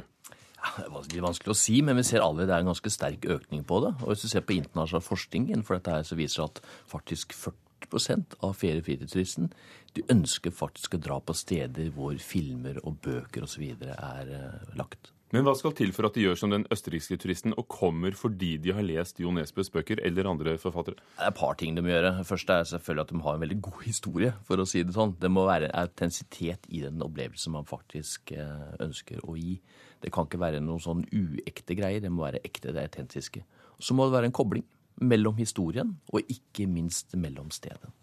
Og særlig mer autentisk eh, kan det vel ikke bli enn når du, Gunnar Staalesen, tar med lesere og, tilreisende rundt omkring i privatetterforsker Varg Veums eh, Bergen? Nei, det er vel for så vidt riktig. Jeg har jo, Mine bøker ble oversatt allerede fra midten av 1980-tallet. Og allerede etter noen få år så opplever jeg at tyske lesere spesielt da kom til Bergen med kart i hånden og gikk opp ruter og fant adresser som de hadde lest seg til i bøkene. Og da grep du fatt i dem da, og begynte å, å, å føre dem rundt selv i stedet? Nei, det må jeg innrømme at jeg ikke gjorde. Eh, men eh, etter hvert så fikk jeg noen henvendelser fra grupper da, som gjerne ville ha en Vargvev-vandring, eller en vandring i Vargvevs fotspor. og Det er vel rundt årtusenskiftet at jeg begynte å gjøre dette litt mer systematisk. og nå må jeg nok innrømme at jeg foretrekker å gjøre rent historiske byvandringer i Bergen. For jeg syns det kanskje er på kanten av selvopptatthet å eh, skulle vise rundt i sitt eget forfatterskap. Men jeg gjør det med stor glede når jeg får eh, spørsmål om det. Ja, for du skjønner jo at det er spesielt for noen som leser Varg Veum-bøkene å få forfatteren selv til å vise rundt. Men hva, hva gir det leseropplevelsen, synes du, å, å se stedene hvor de forskjellige personene i en roman beveger seg? Jo, altså Jeg har jo selv hatt tilsvarende opplevelser i andre byer som jeg har kommet til. Paris, London, Barcelona. At jeg kan gå og prøve å finne miljøer og steder der jeg har lest bøker fra. Og eh, jeg ser jo det at de som eh, er med på mine vandringer, har den samme typen opplevelse. De, de sperrer litt øynene opp når jeg kan vandre med dem ned gjennom telthusets maue, der var jeg med om bord. Og eh, nå er det jo også filmene som er kommet til de siste fem-seks årene, så da kan vi også vise hvor vi bor i filmene, for det er et litt annet smau. Og så ender vi jo alltid opp på Strandkaien 2 da, foran eh, kontoret til Varg Veum. Og av og til går vi opp i baren i annen etasje der og tar et glass akevitt og eh, snakker videre om Varg Veum der. Hmm. Audun Pettersen i Innovasjon Norge. Noen har sett filmen, andre har lest bøkene. Har du eksempler på, på vellykket kulturturisme fra andre land? Ja, vi har flere. Det mest slitte kanskje er jo selvfølgelig the Rings hva det gjorde med New Zealand i sin tid, og ikke minst den veksten de fikk i turismen i etterkant. Eh, andre, kanskje ikke kanskje så kjente, er jo f.eks. Bollywood. Eh, og den dragningen de har mot Sveits. De får jo en 250 000 indre hvert eneste år som drar til én landsby i Sveits pga. at de har tatt opp drømmescenen i disse Bollywood-filmene. Men der er du inne på eksempelet av nesten produktplassering, ikke sant? hvor man gir støtte til filmer for å ta ta dem opp på visse locations, som ja. viser, seg, viser, seg, frem da? Jeg vil ikke kalle det produktplassering. Eh, det er filminsentiver som finnes i ganske mange andre land rundt omkring i verden. Ikke i Norge ennå, dessverre. Men likevel så er da Gunnar Staalesens Varg Veum tatt opp i Bergen. Men, men, du Gunnar Staalesen, når du reiser til London, Paris osv., hvilke, forfattere, eh, hvilke forfatteres verden er det du har sett etter? Nei, det er jo selvfølgelig eh, krimforfattere. Den klassiske er jo Sherlock Holmes. Eh, kommer man til London, så må man jo til Baker Street og uh, finne det stedet der han i hvert fall i eh, turistverden bor. fra. den eksakte adressen i Baker Street den finnes jo ikke. Og Jeg hadde også stor glede for noen år siden å være på en litterær pubvandring i Dublin, der man jo får presentert både både Joyce og Beckett og andre irske forfattere til og med presentert av skuespillere på en veldig profesjonell måte. Så det er vel den flotteste litterære vandringen jeg har vært med på. Det er hyggelig at du husker noe fra denne pubvandringen. Eh, men ja, har du noen, har du noen uh, ideer om hvilke andre forfattere vi kunne blitt bevandret med i, Norge? Ja, altså i Bergen har de jo faktisk også Ludvig Holberg-vandringer. Og selv har jeg ved et par anledninger vist rundt i Amalie Skrams Bergen. Så Eh, de fleste norske byer, i hvert fall som har forfattere som på en måte har tatt utgangspunkt i landskapet der, eh, vil jo kunne ha tilsvarende vandringer. Men det er klart, kriminallitteraturen når jo automatisk ut til et mye større publikum, så det er nok lettere å finne eh, litt større grupper som da kan identifisere seg, eller i hvert fall være interessert i den type vandringer som eh, Harry Hole, Varg Veum og, Lisbeth Salander i Stockholm. Eh, Audun Pettersen, i Stockholm er det Bymuseet selv som står for disse Stig Larsson-vandringene, mens det vi har hørt om fra Norge, er eh, private initiativer. Um, burde museene kjent sin besøkelsestid i større grad i Norge? absolutt, det syns jeg de burde gjøre. De, de sitter jo på en, en, en haug av historier som de faktisk kan bruke mer kommersielt enn det som gjøres i dag. Men hva skal til for at kulturturisme blir en lønnsom satsing? Jeg tror at det er flere ting der. Det ene er selvfølgelig at man er tydelig og klar på hvilken mål man skal, skal, nå. For det er en generell trend at turistene de ønsker ikke bare å se Norge på innsida av et bilvindu eller et bussvindu. De ønsker aktive opplevelser, også i byene. Men samtidig, når jeg ser reklame for Norge i utlandet, så er det fjorder og fjell og Prekestolen. Ja, og det kommer vi fortsatt til å bruke, for Norge er naturbasert reisemål. Det er det som, eh, som turistene forbinder med Norge. Men vi er nødt til å skape innhold i den naturen vi har. Og da er litterærturisme og filmturisme akkurat midt i blinken. Gunnar Staalesen, det finnes jo mange forfattere som har skrevet fra norske landskap og norsk natur, og likevel er byen et spesielt egnet litterært landskap? Ja, altså klart En by er jo mer mangfoldig og har flere både bakgater og smau som man kan gå gjennom, og litt store, spektakulære ting å vise frem også. Så uh, skal, man et, uh, skal, man gå i et uh, større landskap, så krever det kanskje at man må ha en buss eller et annet transportmiddel for å komme rundt fra sted til sted. Men i disse byfortellingene så har man ofte det, det meste konsentrert innenfor, gang, innenfor gangavstand. I hvert fall har vi det i Bergen. Hm og ender på skjenkesteder ofte. Takk skal dere ha, Gunnar Staalesen, forfatter, og Audun Pettersen fra Innovasjon Norge.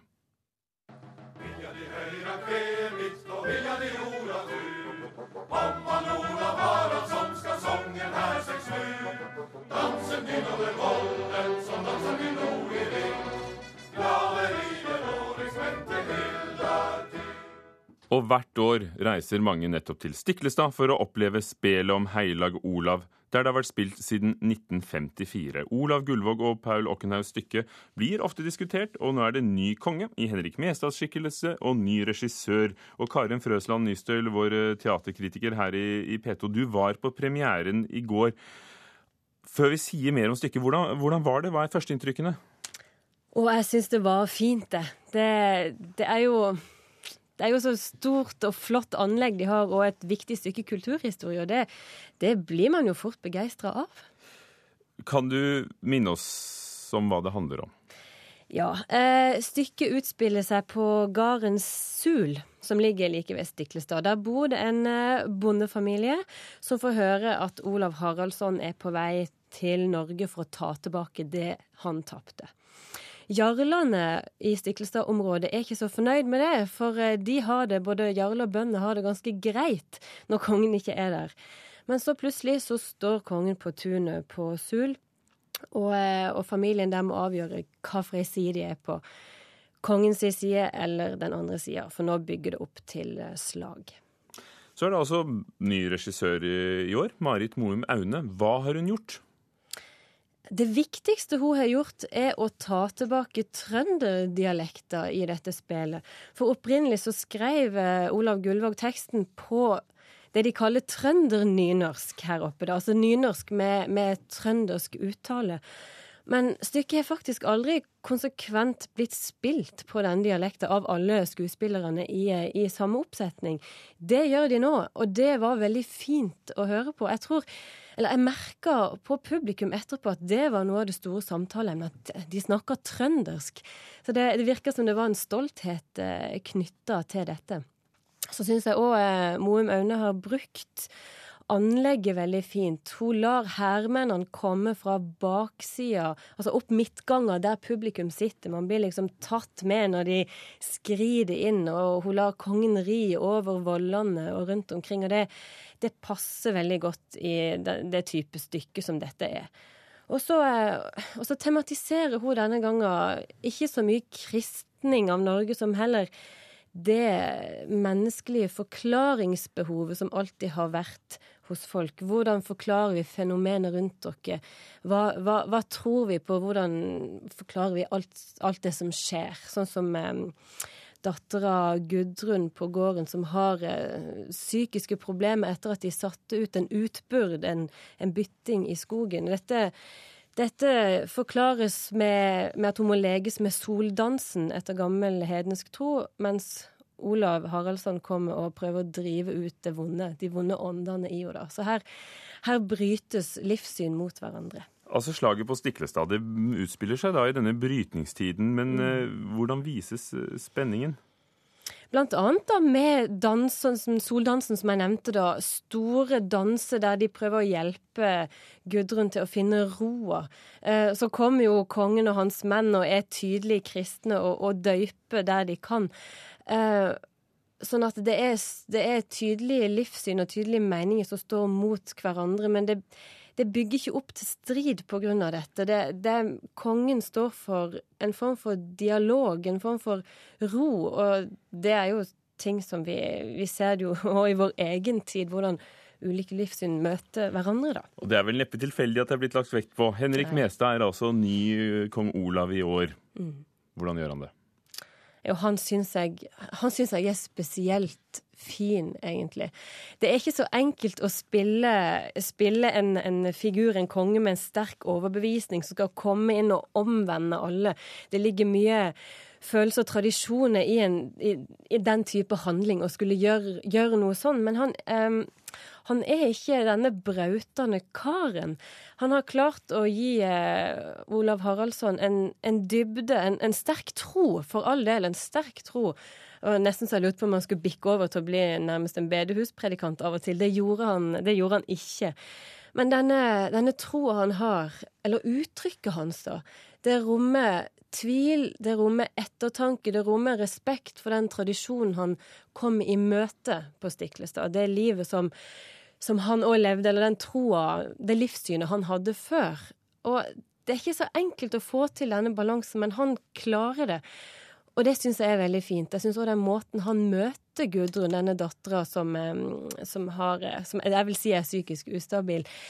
Karin Frøsland Nystøl, jeg tror jeg skal be deg gi deg en kort oppsummering av hva du synes om Marit Moum Aunes og årets utgave av Spel om Heilag Olav på Stiklestad. Kort, altså. Jeg syns at dette med dialogen og møtet mellom livssyn er veldig fint. Så syns jeg at de har en del å gå på dramaturgisk sett, for det er noen daupunkter og mye bølgedaler i denne oppsetninga. Men det er utrolig flott å høre det på ekte trøndernynorsk. Og i går kveld var det altså premiere. Takk, Karin Frøsland Nystøyl.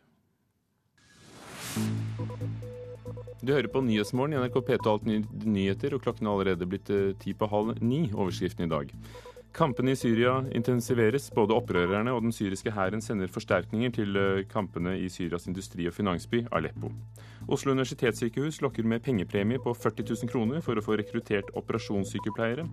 Folk glemmer rundt 3000 mobiltelefoner på Oslo lufthavn hvert år. De fleste blir aldri hentet. Og den etterlyste Grefsen-meteoritten er funnet. Astrofysiker Knut Jørgen Rød Ødgaard og konen Anne Mette Sandnes, som eier meteoritten, lover at de aldri skal selge den til utlandet. Jeg synes det hadde vært litt morsomt også hvis et annet museum i Norge kunne få en del av de meteorittene, siden det falt ned ganske mange i Oslo. da. At de òg kunne få en stein, så at folk som bor i andre steder i Norge også kan få se disse uten å måtte reise inn til hovedstaden. Nikolai Astrups barnebarn er skuffet over at færre folk besøker kunstnerens gamle hjem, Astruptunet Jølster i Sogn og Fjordane. I 2008 hadde kunstnerhjemmet på Jølster færrest besøkende noensinne. Både besøkende og de som bor i Jølster mener det er synd at mange går glipp av Astruptunet. Ja, her er da kjøkkenstova som kom hit i 1916. Den fikk de flytta opp fra veien, da. Og den sto opprinnelig nede med vannet. Det er en grå morgen på Astruptunet i Jølster. Likevel er Anette Nygaard godt i gang med å guide ei gruppe på seks gjennom de ulike bygga på tunet. Blant de er Jon og Olga Elisabeth Slettagjeld fra Byneset i Trondheim. De mener det er synd om folk går glipp av Astruptunet. Ja, jeg syns det er veldig synd, for jeg regner han som en av Norges største kunstnere. Da. Og han har også en eh, spesiell historie som er vel verdt å høre. Jeg syns det var kjempeflott å komme hit og se det gamle huset her, og der han har malt. og Det er opplevelse.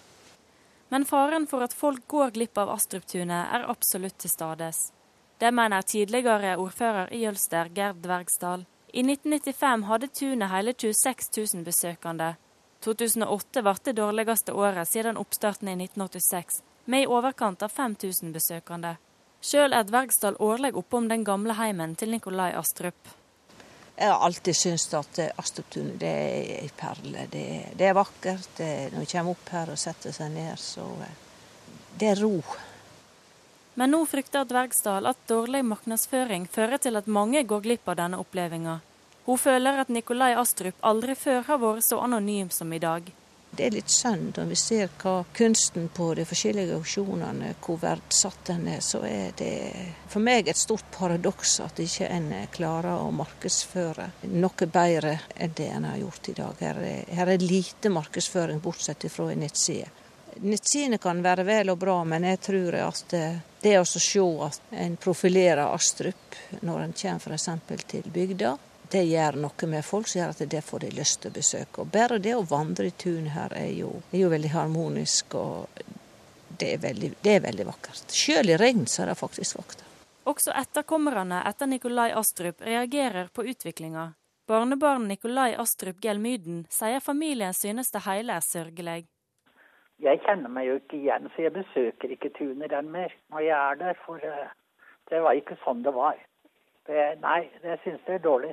Jeg uh, føler meg ikke velkommen. Gelmyden mener forvaltninga av tunet har vært for dårlig, og at overskuddet fra glanstida på 90-tallet skulle vært brukt til å kjøpe inn mer Astrup-kunst. Han mener også at omvisningene burde ha mer fokus på kunsten. Det de har tatt inn på Astruptunet, det skulle gå til mer til skikkelig uh, omvisning, eller mer på kunsten, mer fagfolk. De burde sette seg litt mer inn i hvordan han både malte og hvordan han uh, drev sin grafikk, hvordan han laget den. Så skulle de satt seg inn i hans unike måte å lage trestykk på. Uh, jeg er kanskje den eneste som vet det i dag sa Nikolai Astrup Gelmeiden, Astrups barnebarn og Sogn og Fjordane kunstmuseum, som driver Astrup-tunet i Jølster, ønsker ikke å kommentere utspillene. Reporter var Marie Osland. Møbelprodusenten Ekornes krever å få fjernet ordet 'stressless' fra romanen 'Reisen hjem' av Laurie Lanson på Jurisen forlag. Ekornes hevder de har enerett på bruk av merkevaren også i en roman. Oversetteren har brukt ordet 'stressless' sammen med den amerikanske konkurrenten, nemlig stolen Lazeboy. Forlagssjef Arve Juritzen sier til Dagens Næringsliv at han ikke tar klagen seriøst, for dette har ikke noe med markedsføringsloven å gjøre, sier han. Saken er nå hos NHO, som vurderer om de vil kreve at forlaget fjerner 'stressless' fra boken, som har solgt i 110 000 eksemplarer i Norge.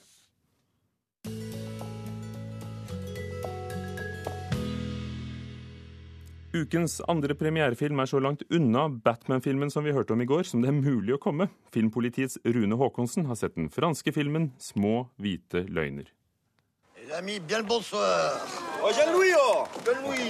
Vi har alle hemmeligheter. Noe som holdes skjult for noen. Den franske filmen 'Små hvite løgner' handler om en vennegjeng på sin årlige ferietur til Bordeaux. Alle med ekstra last i bagasjen.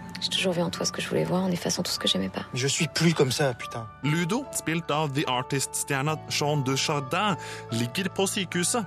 På vei hjem fra byen, rett før morgensola skinner utover Paris, treffer han støtfangeren på en lastebil. Resten av filmen tilbringes for hans del i sykesenga. Vennene reiser likevel til sommerhuset i Bordeaux, hvor det gode liv er i sentrum. Et svakt manus har mye av skylden for at små hvite løgner ikke rører meg.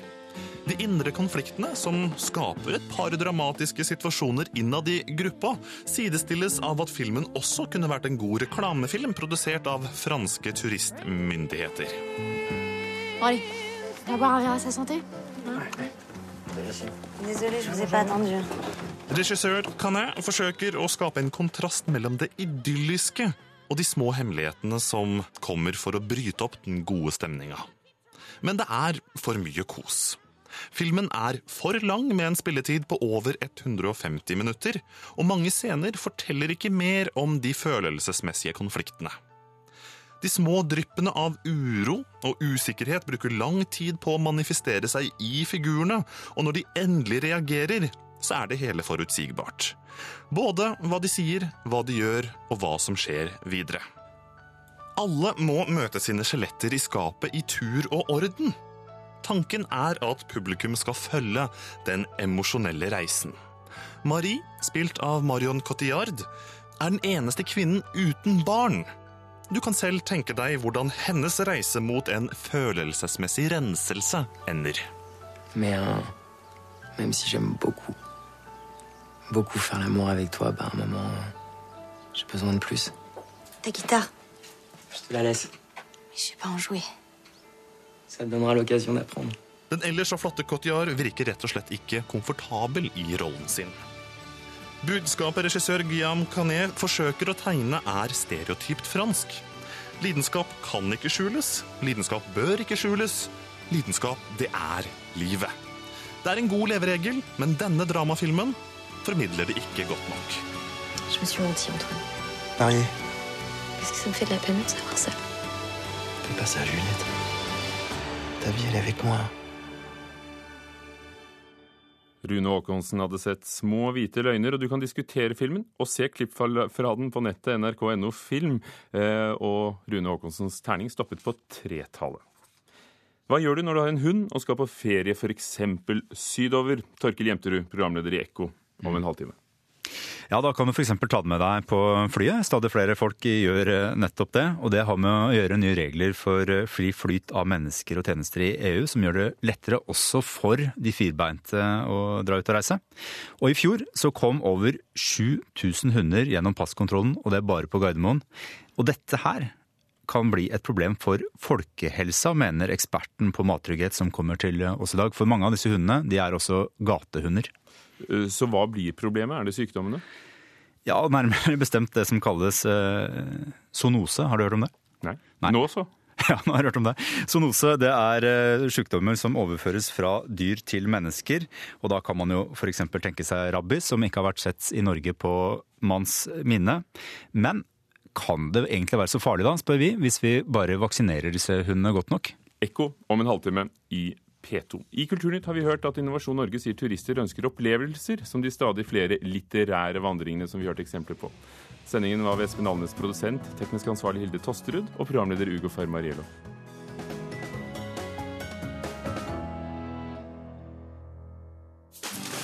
Sommer i P2. Jeg er Kristin Skogen Lund, og jeg deler historier om mennesker som har gjort eh, inntrykk på meg. Sommer i P2. Kjente stemmer inviterer deg nærmere. I dag klokka 15.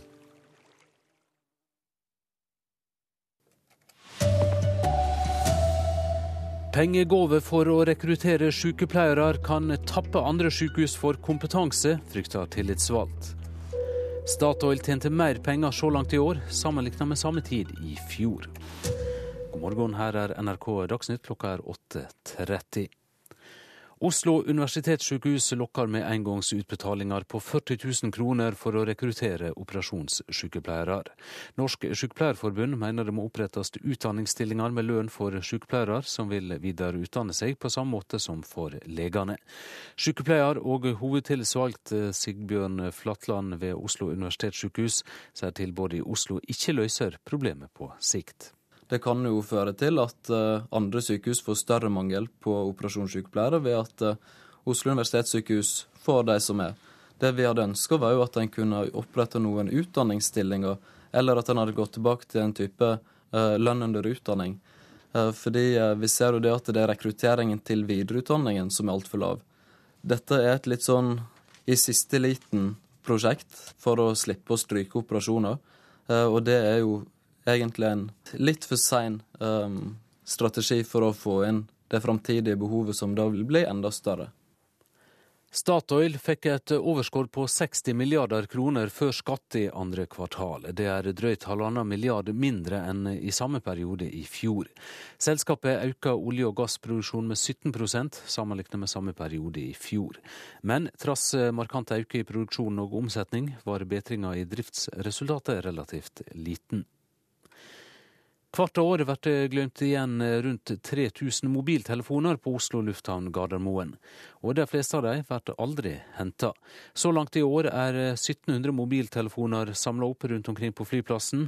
Og serviceleder hos AB Solutions, Håvard Sandesmoen, sier de stadig ser flere attglemte smarttelefoner. Smarttelefoner har vært voldsom økning. iPhone og Samsung Galaxy. Det er det har blitt en voldsom økning. Men likevel blir sju av ti aldri hentet igjen, til Sandnesmoens store fortvilelse. Hvorfor ringer de oss ikke? Må jo spørre, vi har jo masse liggende. Folk tror at alt blir stjålet hele tida, vet du. Gjenglemt dekkes ikke av forsikringsselskapene. Jack Frosta i If Europeiske sier at de hvert år har flere saker hvor folk melder dette som stjålet. Naturligvis har vi de sakene også, og det avslører vi jo hvert eneste år. Og etter 2012 ventes en rekordhøy utbetaling for tapt og stjålet reisegods på 400 millioner kroner. Og det er i så fall en økning på en 20-30 Reporter her var Ellen Borge Christoffersen. NRK Dagsnytt var ved Odd Christian Dale.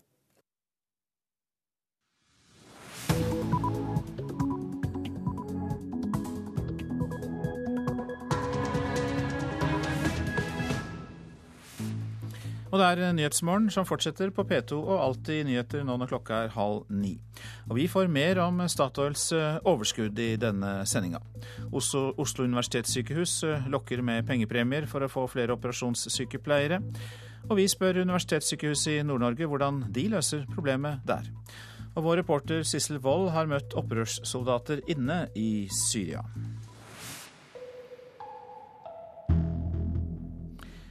Som vi altså hørte i Dagsnytt, fikk Statoil et overskudd på over 60 milliarder kroner før skatt i andre kvartal. Det er mindre enn i samme periode i fjor, men likevel bedre enn analytikerne hadde ventet på forhånd.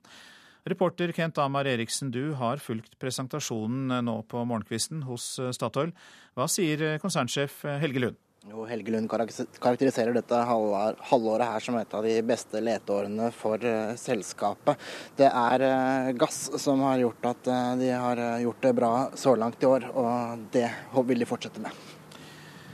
Så det er først og fremst eh, gassen. Men eh, hva sier Statoil om utsiktene framover? For det er vel et spørsmål om eh, hvor prisen blir liggende?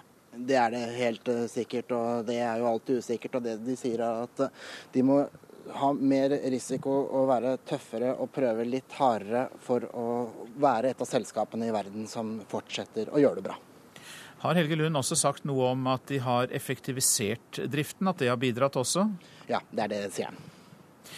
Mange takk eh, til deg, Kent Amar Eriksen, som altså har fulgt presentasjonen til eh, Helge Lund. Vi eh, vender oss i retning Tønsberg, for i studio der så sitter du, Christian Tunhold. Du er aksjestrateg hos DNB Markets, og du tolker resultatene hvordan? Nei, Det er uten tvil gode tall. Selskapet viser at det er i god fremgang. Men ser vi på det justerte driftsresultatet, så er det på 45,5 milliarder, og analytikernes forventninger var på 47,5. Så det er egentlig ikke mer enn det analytikerne hadde ventet i utgangspunktet. Men eh, hva er årsaken til at det likevel er et eh, greit resultat? Eh, mange andre bedrifter sliter jo i eh, ikke bare Europa, men også andre steder i verden. Nei, altså Oljeprisene har jo vært svært bra i første halvår. Gassprisene har vært rimelig gode, og da tjener et selskap som Statoil gode penger. Og eh, det som er mest spennende for selskapet, er at letestrategien som de la opp til for et par år siden, også har gitt veldig gode resultater. Slik at eh, selskapet opprettholder eh, veiledningen for mye de kan produsere til neste år og i år. Og de opprettholder også veiledningen for produksjonen frem til 2020. Og alt dette her regnes som positivt. Men eh, letingen, som du sier, eh, der har det slått til for dem. Men det gir jo ikke noe i kassa enn så lenge. Hvordan tror du denne letingen vil virke inn bl.a. på utviklingen i Statoil i nærmeste år? Nei, hittil de siste 18 månedene så har letingen egentlig vært svært vellykket. Så det tar en del år før det gir seg resultater både i produksjon og lønnsomhet. Eh, det selskapet selv sier, er at de øker sannsynligvis investeringene litt mer enn det de hadde planlagt. Og eh, fra et aksjemarkedssynspunkt så er det sannsynligvis greit, tatt i betraktning at de har hatt eh, god suksess med letingen så langt. Nå har det jo vært en god del artikler i mediene om at prisene på olje og gass kan komme til å synke, altså som en del av den generelle økonomiske nedgangen og usikkerheten. Hva tror du om innvirkningen av det? Nei, det er klart at uh, Når det er svakere økonomiske tider, så faller etterspørselen etter olje og gass. Og uh, det vil legge et press på prisene. Det vi tror, er at prisene kommer til å holde seg som noenlunde rundt 100 dollar i en tid fremover. Og det er fremdeles en oljepris som ja, for to år siden hadde vært ansett som ganske god. Så Statoil bør være godt lønnsomme også på dagens priser. Hvordan virker uroen i Midtøsten inn?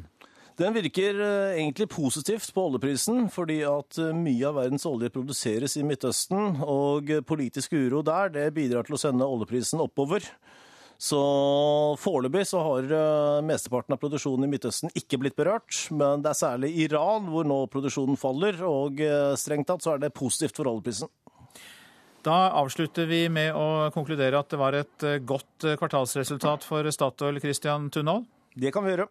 Takk skal du ha, på eh, linje fra Tønsberg hit til Nyhetsmorgen. Nå om operasjonssykepleiere som er eh, mangelvare. Oslo universitetssykehus eh, lokker med engangsutbetalinger på 40 000 kroner for å rekruttere sykepleierne de trenger. Fungerende personaldirektør Anne Flagstad er ikke helt fornøyd med responsen så langt. Vi har fått ca. 15 henvendelser, hvorav 8-9 av de er kvalifiserte søkere. Men det er klart at uh, vi hadde kanskje ønsket at det skulle være enda flere. Mangelen på operasjonssykepleiere ved OUS er ikke noe nytt. I kampen om å trekke til seg søkere lover sykehuset nå altså 40 000 kroner minus skatt etter et år i jobb. Det faller i god jord hos Norsk Sykepleierforbund. Det å gi ekstra lønn lønner seg i forhold til at sykepleiere vil ta videreutdannelse, og at de søker på stillinger. Sier nestleder Solveig Kopperstad Bratseth. Spesialsykepleiere er mangelvare både ved sykehus og i kommuner. Stavanger kommune har nylig varslet 60 000 kroner i lønnsøkning på visse betingelser. Universitetssykehuset i Oslo prøver å få flere av sykepleierne til å ta videreutdanning, og har økt antall stipender. Så For oss er det viktigste å få eh, nye folk inn, som gjør at vi kan fylle opp. Eh, fordi vi har operasjonssykepleiere som har ganske høy snittalder, slik at vi har et, en aldersutfordring over tid også. Men Sykepleierforbundet krever utdanningsstillinger for sykepleiere som vil spesialisere seg, på samme måte som legene har. Det å gi en egen stillingskode under spesialisering med et minstelønnsnivå under utdanning, er et godt tiltak som ikke vil koste arbeidsgiverne veldig mye, men som vil sikre dem at de har rett kompetanse når de trenger det. Og Reporter her, det var Katrin Hellesnes. Vi eh, vender oss mot nord, til studio i Tromsø. Der er du, Eva Hanne Hansen, eh, klinikksjef for operasjon- og intensivavdelingen ved Universitetssykehuset i eh, Nord-Norge. Hvordan prøver dere å løse denne mangelen på spesialutdannede sykepleiere? Universitetssykehuset i Nord-Norge har gjort et kartleggingsarbeid for å se hvordan behovet for spesialsykepleiere framover er. Og det vi ser, det er jo at vi, vi vet at vi har et stort behov og stor mangel, spesielt innenfor intensive operasjonssykepleiere. Og det øker årene, årene framover. Det vi òg har gjort, er utredningsarbeid i forhold til tiltak for å rekruttere og beholde sykepleiere. Og det vil bli behandla som egen sak i, i, på høsten i ledelsen på UNN. Det vi har gjort, det er at vi har de som søker videreutdanning og kommer inn og begynner, de får lønn. Så vi har imøtekommet det som Sykepleierforbundet tar opp i sine reportasjer, eller sin ønske. Og det vil si at de har full lønn under utdanning og bindingstid etterkant. I tillegg så har vi etablert rekrutteringsstillinger i, for, som, for sykepleiere. Eh, men vi har en veldig stor utfordring i forhold til spesialsykepleiere. Eksempelvis så mangler vi av 60 stillinger mangler vi 10, 10 ubesatte operasjonssykepleiere på en av våre enheter. Ja, Du nevner at dere har da imøtekommet dette kravet fra eh, fagforeningen om at de får en utdanning eh, med lønn, altså en etterutdanning. Eh, hvorfor er det bedre, syns du, enn Oslos løsning og lokker med ekstrabetaling, og det har vi vel også sett i Stavanger? Vi har jo gjort et utredningsarbeid, og når vi har utredet, så er jo en av tilbakemeldingene det er jo da at man mister en del sosiale rettigheter, og en av grunnene som man oppgir for ikke søk, er det at man mister de rettighetene. Så vi ser at vi har allerede innført det for at det kullet er tatt opp nå, og vi ser at vi har fylt opp alle studieplassene uten operasjon. Og det har vært en stor utfordring de siste årene å klare å gjøre det. Dere prøver altså å løse dette problemet, men jeg er litt nysgjerrig på hva tror du er årsaken til at det er sånn kronisk mangel på spesialsykepleiere nærmest over hele landet? Jeg tror det er flere årsaker til det, så det er nok ikke en enkelt ting. Men annet da, hos, i, ved universitetssykehuset så har vi over tid utdanna for få. Det kan være flere årsaker til at det har vært lite søkere og ikke klart å fylle opp. Men det vi ser, det er jo da at når vi har kartlagt behovet i dag, så vet vi at vi mangler 14 operasjonssykepleiere som burde ha vært utdannet. Og vi vil mangle i, om fem år ytterligere 20. Og da når vi går tilbake og ser hvor mange som utdanner seg i forhold til behovet og studieplasser, så er det for få. Så det er en av årsakene. Og så kan det jo være andre forhold òg. Og det er jo det vi har utredet og vil gå nøyere inn på til høsten. Da skal dere gjøre det i eh, Universitetssykehuset i Nord-Norge. Mange takk for at du var med oss, Eva Hanne Hansen fra studio i Tromsø. En mann fra Sør-Østerdal er tiltalt for bl.a. å ha lokket jenter helt ned i tiårsalderen til å sende seg nakenbilder på telefon. Mannen i 40-årsalderen skal ha hatt kontakt med nærmere 30 gutter og jenter fra store deler av landet. Han utga seg for å være tenåring da han fikk kontakt på internett. I løpet av siste halvår i 2010 skal han ha fått 17 jenter i alderen 10 til 15 år til å sende seg bilder av alt fra lettkledde overkropper til nakenbilder. Som betaling fikk de kontantkort til telefonen. Andre nekta å gjøre som han ba om. Noen skal han ha trua med å stenge telefonen deres hvis de ikke sendte bilder. Saka kommer opp for Sør-Østerdal tingrett i slutten av august. Og det var reporter Kurt Sivertsen som orienterte. Dette er Nyhetsmorgen, og klokka er passert nettopp 8.44. Eh, Dette er eh, hovedsakene. Statoil økte overskuddet i andre kvartal og eh, overrasket analytikerne. Operasjonssykepleiere er mangelvare flere steder i landet. Vi hørte nettopp at Universitetssykehuset i Nord-Norge gir lønn under etterutdanning for å løse problemet der. Og vi skal høre at eh, legemiddelindustrien hjelper til i kampen mot doping under OL i London. Mer om det ganske snart.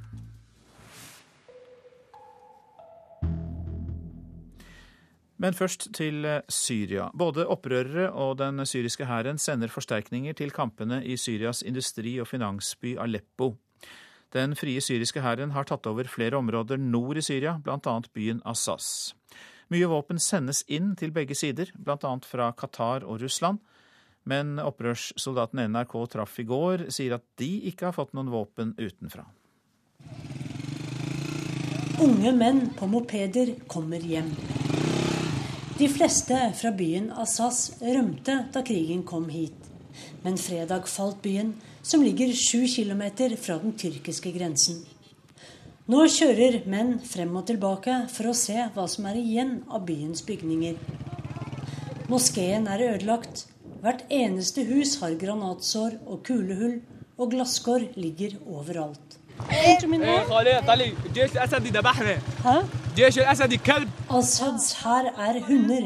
Kjøtere, roper denne mannen til oss. Men nå er situasjonen god takket være den frie syriske hæren, sier han før han kjører av gårde. Ved en smadret og utbrent stridsvogn står et par opprørssoldater ikledd olabukser og militærvest. Selvsikre og smilende, med kalasjnikov hengende over skulderen.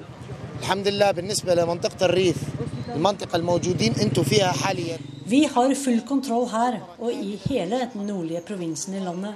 Assads gjengere er ute, og vi er i ferd med å ta Aleppo også, sier mannen som presenterer seg selv som kaptein Ahmed fra den frie syriske hæren. Han hilser ikke på kvinnelige reportere, sier han, men gir mer enn gjerne et intervju. من وين السلاح؟ غنائم من الجيش عصابات الاسد من من قطر؟ يوق يوق عصابات الاسد Hvor får de våpen fra, spør jeg. Er det fra Qatar? Våpnene er fra hæren, ikke fra Qatar. Vi har tatt dem fra Assad-regimets militærbaser, sier kaptein Ahmed. Ikke en eneste kule har vi fått fra arabiske, muslimske eller andre land. Kaptein Ahmed forteller at kampene i Aleppo er krevende fordi opprørerne bare har lette våpen, mens regimet har satt inn kamphelikoptre i tillegg til tungt artilleri. Men vi var ikke redde da vi begynte opprøret uten våpen, sier Ahmed, som er fra det syriske opprørets vugge, Dera. Så hvorfor skulle vi være redde nå, nå som vi har våpen, spør han. Assas er i den frie syriske hærens hender nå, men er en by uten vann og strøm. Vi har kontakt med byens vannverk og det lokale elverket, og sammen jobber vi for å skaffe strøm og vann, slik at byen blir levelig for folk igjen. Mens jeg vandrer rundt i ruinene etter en moské, hører jeg plutselig en lav, klagende lyd langt nedenifra. En katt mjauer og mjauer. Den er stengt inne under betong og armeringsjern. Mens kattens ni liv sakte ebber ut, våkner byen igjen til et slags liv. Og det fortalte Sissel Wold fra Syria. FN har sendt ut en oppfordring til det internasjonale samfunnet om å gi penger til de palestinske selvstyremyndighetene som har en akutt likviditetskrise. Palestinske myndigheter opplyste tidligere i år at de skylder 1,5 milliarder dollar til banker og bedrifter. I løpet av året har den økonomiske krisen økt for regjeringen til president Mahmoud Abbas, opplyser FN. Nå om etiopiske kvinner som blir voldtatt av politiet i hjemlandet og ikke får asyl i Norge. Norsk organisasjon for asylsøkere sier at kvinnene blir utsatt for systematiske forfølgelser og overgrep. Og NOAS mener norske myndigheter ikke forstår hvordan disse overgrepene har foregått. Det sier NOAS-rådgiver Jon Ole Martinsen. Jeg har stadig erget meg over og vært fortvilt over en standardbegrunnelse fra både UDI og UNE sin side, hvor voldtatte etiopiske kvinner eh, har fått beskjed om at de har blitt utsatt for en enkeltstående kriminell handling og bes henvende seg til hjemlandets eh, myndigheter for beskyttelse. De samme myndighetene som kvinnene har blitt utsatt for overgrepet fra. Og NOAS har sendt brev til Utlendingsdirektoratet for å få dem til å endre praksis. Og så nå er det klart hvor den etterlyste Grefsen-meteoritten er. I går gikk Naturhistorisk museum ut og sa de ikke visste hvor meteoritten var blitt av. Nå er det klart at det er astrofysiker Knut Jørgen Rød Ødegård og kona Anne Mette Sandnes som har meteoritten. Jeg syns det er beklagelig at museet ikke har den steinen i sin samling. Sier Rune Selbekk, forsker ved Naturhistorisk museum i Oslo. I går gikk museet ut og etterlyste meteoritten. De påsto at de ikke visste hvor den var. Men senere på kvelden ble det klart at direktøren for museet fikk en e-post fra Rød Ødegård datert 4. juli, der Rød Ødegård skrev at han eier meteoritten.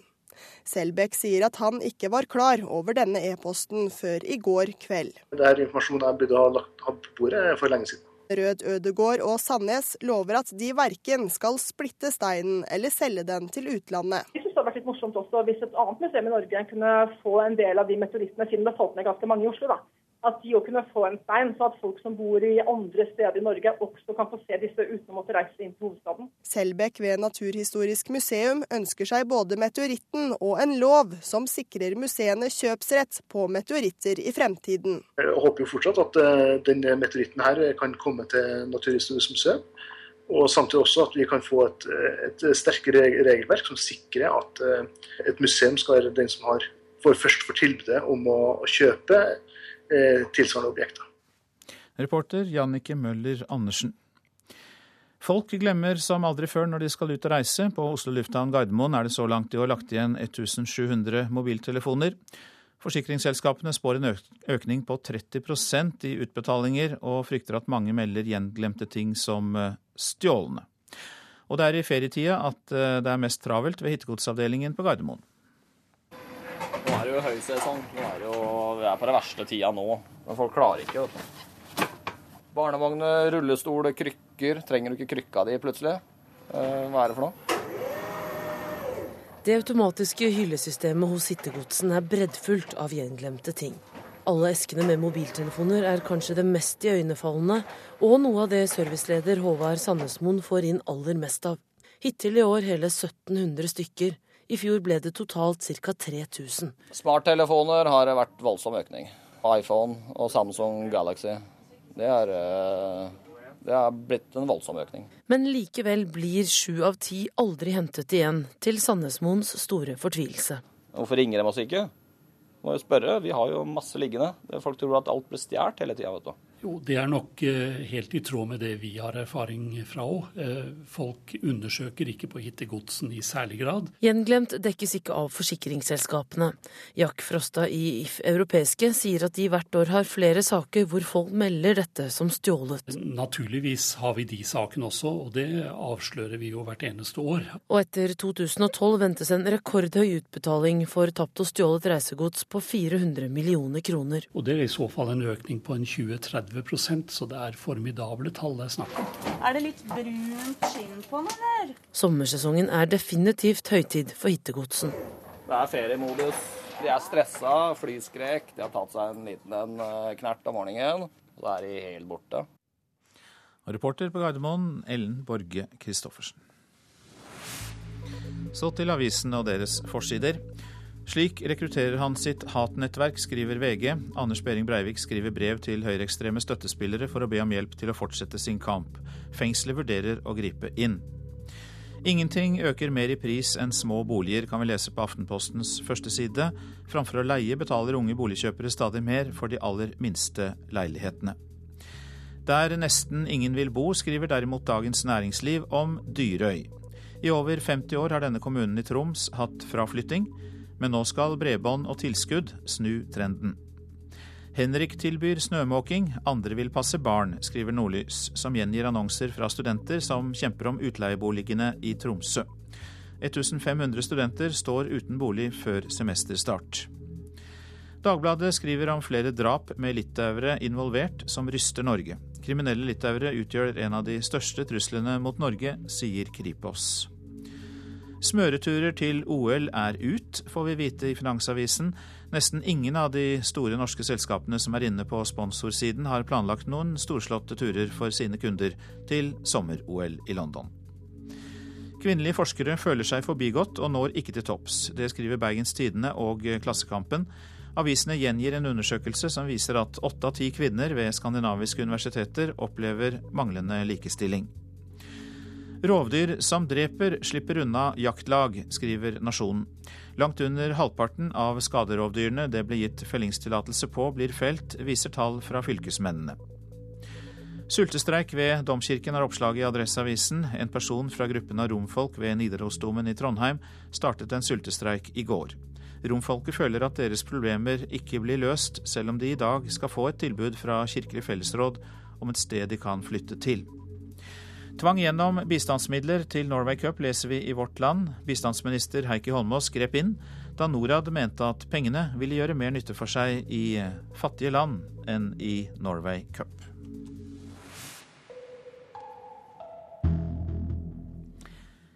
Legemiddelindustrien bidrar nå til kampen mot doping, sier Yvette Delnes. Hun er en av de to norske dopingjegerne i den engelske hovedstaden under OL. Samarbeidet gir jegerne et fortrinn overfor utøvere som doper seg.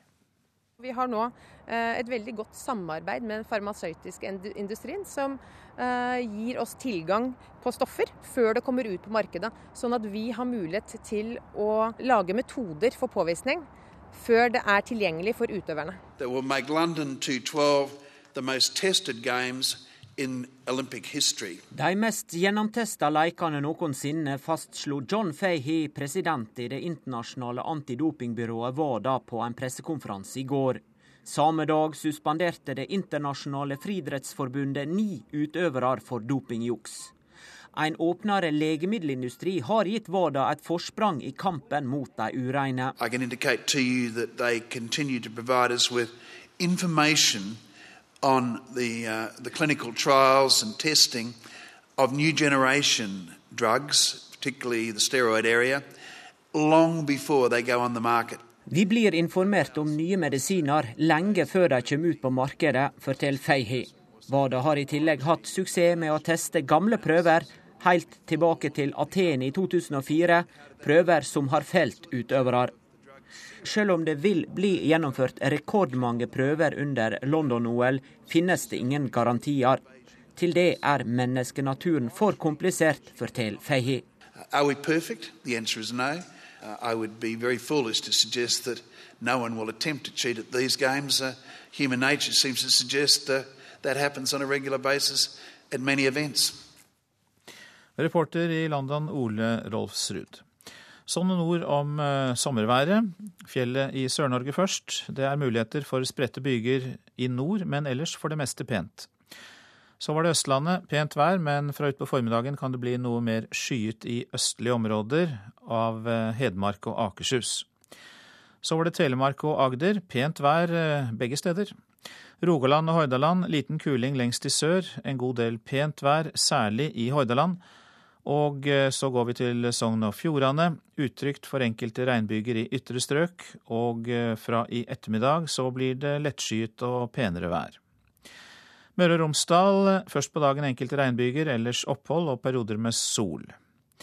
Trøndelag enkelte regnbyger, fra i ettermiddag til dels pent vær. Utrygt for lokal morgentåke, men den har vel letta nå, tenker jeg. Nordland og Troms enkelte regnbyger, fra i kveld stort sett oppholdsvær. Så tar vi Finnmark. Enkelte regnbyger, i øst stort sett opphold. Fra i kveld eh, også opphold vest i Finnmark. Nordensjøland på Spitsbergen litt regn og yr. Så tar vi for oss temperaturer som ble målt klokka sju. Svalbard lufthavn fem, Kirkenes elleve, Vardø ti, Alta elleve, Tromsø-Langnes ni, Bodø ti, Brønnøysund også ti grader. Trondheim-Værnes tolv, Molde elleve grader. Og så var det i Bergen eh, tolv grader på Flesland, Stavanger også tolv, Kristiansand-Kjevik tolv, og Gardermoen og Lillehammer hadde også tolv grader klokka sju. Vi går videre til Røros, der var det ni grader, og Oslo-Blindern hadde 15 grader klokka sju i dag.